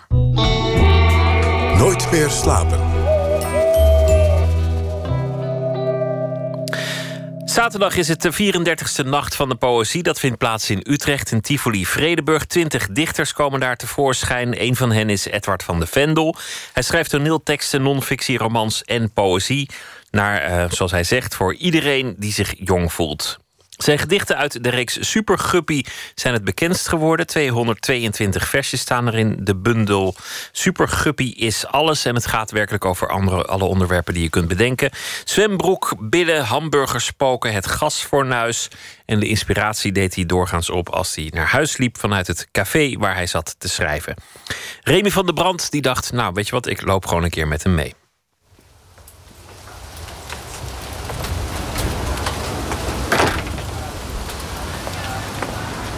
Die kant op. Akkoord. Ja? Ja. En waar lopen we nou naartoe? We lopen naar het station. Omdat daar de cafés zijn. Ik schrijf altijd in uh, cafeetjes. Liefst op terrassen. Maar dit is ongeveer uh, 20 minuten lopen. En ik heb... Ik, ja, als ik, als ik echt gedichten voor kinderen schrijf, dus de kortere dingen... dan uh, had ik mezelf altijd verplicht om in dit loopje, dus in dit kwartier ongeveer... in ieder geval iets te bedenken. Dus of een onderwerp, of een eerste zin, of uh, misschien zelfs al een heel gedicht. Dat was bijna nooit voorgekomen, maar als dat zo was... dan was ik helemaal gelukkig, want dan kwam ik op het terras aan... en hoefde ik niet meer te werken. Dan kon ik gewoon op het terras zitten en een boek lezen. Ja, we hebben het over de gedichten uit Superguppy. Dat, die hadden een soort concept. Het concept was dat ze altijd beginnen met iets heel concreets. Een ding, een voorwerp. En uh, dat is ook steeds de titel. En dat daar een soort poëtisch beeld aan gekoppeld wordt. Dus het, het was makkelijk om te beginnen met schrijven. Want dan kon, kon ik gewoon bedenken... Ja, wat kom ik eigenlijk tegen onderweg? Zakje. Een plastic zakje waait op de weg. En chop, wordt overreden. Maar het is niet overleden. Want het zwaait de auto achterna alsof het hem een schop wil geven. Zo draait men daar toch even de wereld op zijn kop. Levend zakje lucht jaagt auto op de vlucht. Ja, maar dan kan echt werkelijk alles. Kan dan Ja. de stoep, een paaltje, de parkeerautomaat. Ja. Ja, dus Noem de- even op wat ik- dat zijn er, ja, klopt. Dat zijn er ook al. Een parkeerautomaat heb ik niks over gemaakt. Dat is misschien met kinderen niet zo relevant. Eh, nee. nee, want het is wel. Ik stel me altijd voor dat, eh, dat die gedichten gezegd worden of gedacht worden door een kind van een jaar of zes, vijf, zes, zeven. Dus die zal niet zo heel snel over eh, Een parkeerautomaat. of over elektriciteitshuisjes. Nou, dat zou nog kunnen, maar goed, dat heb ik dan niet gedaan. Maar de sloot wel, of eentjes. Maar ja, kijk, dat is maar een begin. Dan moet ik, dat is dan maar een idee bedoel ik eigenlijk. Je moet wel echt een, een nieuw plannetje hebben. Dan iets daarover. Ik kan moeilijk gaan schrijven. Eh, de sloot is recht. Met water en groen kroos. Ja, Ja, het kan wel, maar het is een beetje overbodig. is overbodig en is niet helemaal wat ik dan in, in, in mijn hoofd had qua dichtelijke prestatie. Nee, het moest wel meestal iets zijn waar ja, wat, wat grappig was of wat nieuw was of eh, ijs. De laatste schaatsers zijn voorbij gegaan, want de avond komt eraan. Maar zij blijven staan, de Ze hebben geen extra kleren, ze hebben geen extra veren, ze hebben ijs in plaats van water, gebibber in plaats van gesnater. Dus wat moeten wij doen? Naar huis toe lopen, hulp halen, snel. De sloten open smelten met emmers hete chocomel. Soms eh, was het trouwens niet alleen lopend, maar ook wel met de fiets. Ik weet dat ik één keer fietste. Lag in de, dus net naast de stoeprand. Het was winter. Lag een, een wandje, een kinderwandje. Oh ja. Had gewoon iemand verloren. Alleen, ik reed zo snel dat ik voorbij reed en dacht: "Oh, een hand. Er ligt een hand. En hij is blauw. En hij is blauw, ja. En meteen daarna nou, corrigeerde ik dat natuurlijk. Ik dacht, nee, het is geen hand, het is natuurlijk een wand. dacht ik, help, dat rijmt ook nog. Ergens lag een weggegooid wandje. Maar wat ik zag was een weggegooid handje. Nergens was bloed, ik keek dus niet goed. Wie is het dan die ik vertrouwen moet? Wie is het die loog? Mijn hoofd of mijn oog? Ik had natuurlijk moeten wachten tot het wandje bewoog. Het is voor plezier, maar wat ik wel probeer. Nee, laat ik wat zeggen, toen ik dit nog niet schreef, toen schreef ik ook wel gedichten voor kinderen. Die waren eigenlijk meestal net iets te moeilijk. Dus dan eh, deed ik heel erg mijn best. En dan ging ik laten zien hoe geweldige dichter ik was. Door zes verschillende metaforen in één gedicht te zetten. En leuk, maar Niemand begrijpt. niemand begreep het. Althans niet van de doelgroep. Nee, Dus als ik dat dan wel eens ging voorlezen op scholen... dan moest ik het eerst helemaal uitleggen. En dan snapte ze het en vond ze het ook wel grappig. En er was altijd één gedicht bij. Eén korter gedichtje. Wat ik toevallig een keer... Ja, daar, daar wist ik gewoon niks meer dan alleen maar dat korte gedichtje. En dat snapte altijd iedereen. Dat was over hoe onze eigen poes vroeger is doodgewaaid, letterlijk. Dus ja, hij ging naar buiten, hij was zo mager... en toen kwam er een enorme windvlaag en hij viel neer een eindje verder. Dat klonk heel droevig, maar dat was toch wel mooi spectaculair. En dat snapte iedereen altijd.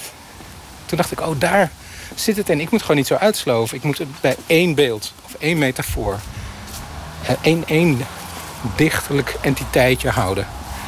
En dat is ook wel, wel fijn, want daardoor verliest het eigenlijk niet zoveel aan de poëzie. Je bent nog steeds bezig met het ombouwen van iets in het hoofd van een kind, van de lezer. En je wilt dat als ze vanaf nu zo'n zakje lucht zien opspatten... dat ze altijd denken, oh, dat is dat, wat is dat zakje lucht toch ontzettend kwaad.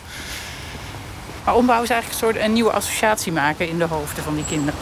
Ja, maar dat is voor mij ook, voor mij ook persoonlijk het doel van poëzie. Kijk, er is heel veel poëzie die ik niet begrijp. En dan kan je als eerste neiging hebben om te bedenken van waarom, waarom lees ik dit? Want ik snap er niks van. En, en is dit niet een beetje aanstellerij van de dichter? Is hij niet bezig om iets heel erg ingewikkelds te zeggen? Moet ik niet eigenlijk het hele persoonlijke leven van die dichter kennen om hier nog iets uit te halen? Maar tegelijkertijd is de literatuur die ik het meest onthouden heb in mijn leven... waar ik ook het meest persoonlijk aan heb gehad... zijn ook dichtregels. Er zijn van die gedichten die je, die je daarna... Je kan nooit meer iets anders zien. Bijvoorbeeld een van de eerste gedichten die ik heel geweldig mooi vond... was van Paul Snoek, toen ik 17, 18 was. Dat ging over zwemmen. En de zin was... Onder water wegen alle kronen minder zwaar. En een man van zout zou er pijnloos kunnen smelten. En nu altijd als ik zwem, dan, dan voel ik dat. Denk, oh ja, in, in het water is het, is, het allemaal, is allemaal makkelijker. Dat, dat, dat vergroot de wereld. Dat heeft mijn, mijn kijk heel erg uitgebouwd en uitge, als laadjes uitgeschoven. Dat, dat zou wel het mooiste zijn als dat bij kinderen ook zo is. Dichter Edward van de Vendel in gesprek met collega Remy van der Brand. Zaterdag is de Nacht van de Poëzie in Tivoli Vredenburg in Utrecht. Waar hij ook zal optreden. En via de Facebook-programma eh, of uh, pagina van dit programma kunt u vrijkaarten winnen voor dat festival. Nooit meer slapen. En dan ergens op Facebook. We gaan luisteren naar een uh, Amerikaanse filosoof die ook singer-songwriter is. En die muziek maakt onder een grappig pseudoniem. How to Dress Well. Zijn vierde album komt eraan. En we draaien een nummer dat heet Last Youth, Last You.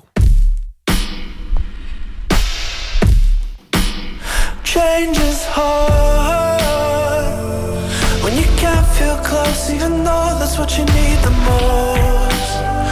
Even though I'm beside you, and they say that love can change your heart and brighten up. Darkness, and I thought had to when I was younger, when I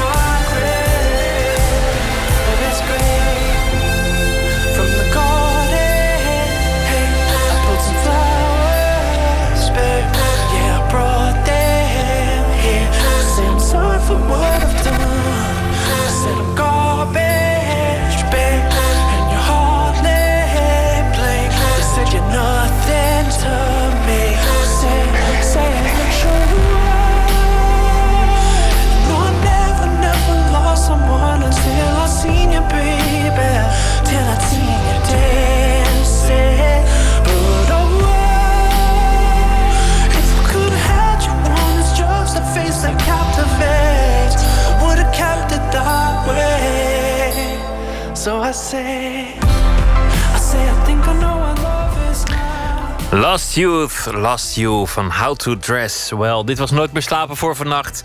Morgen is de gastschrijfster Mirjam Rotenstrijg. En eh, ik wens u een goede nacht en veel plezier. En morgen een warme dag. En dan hoop ik dat u weer luistert. Goeie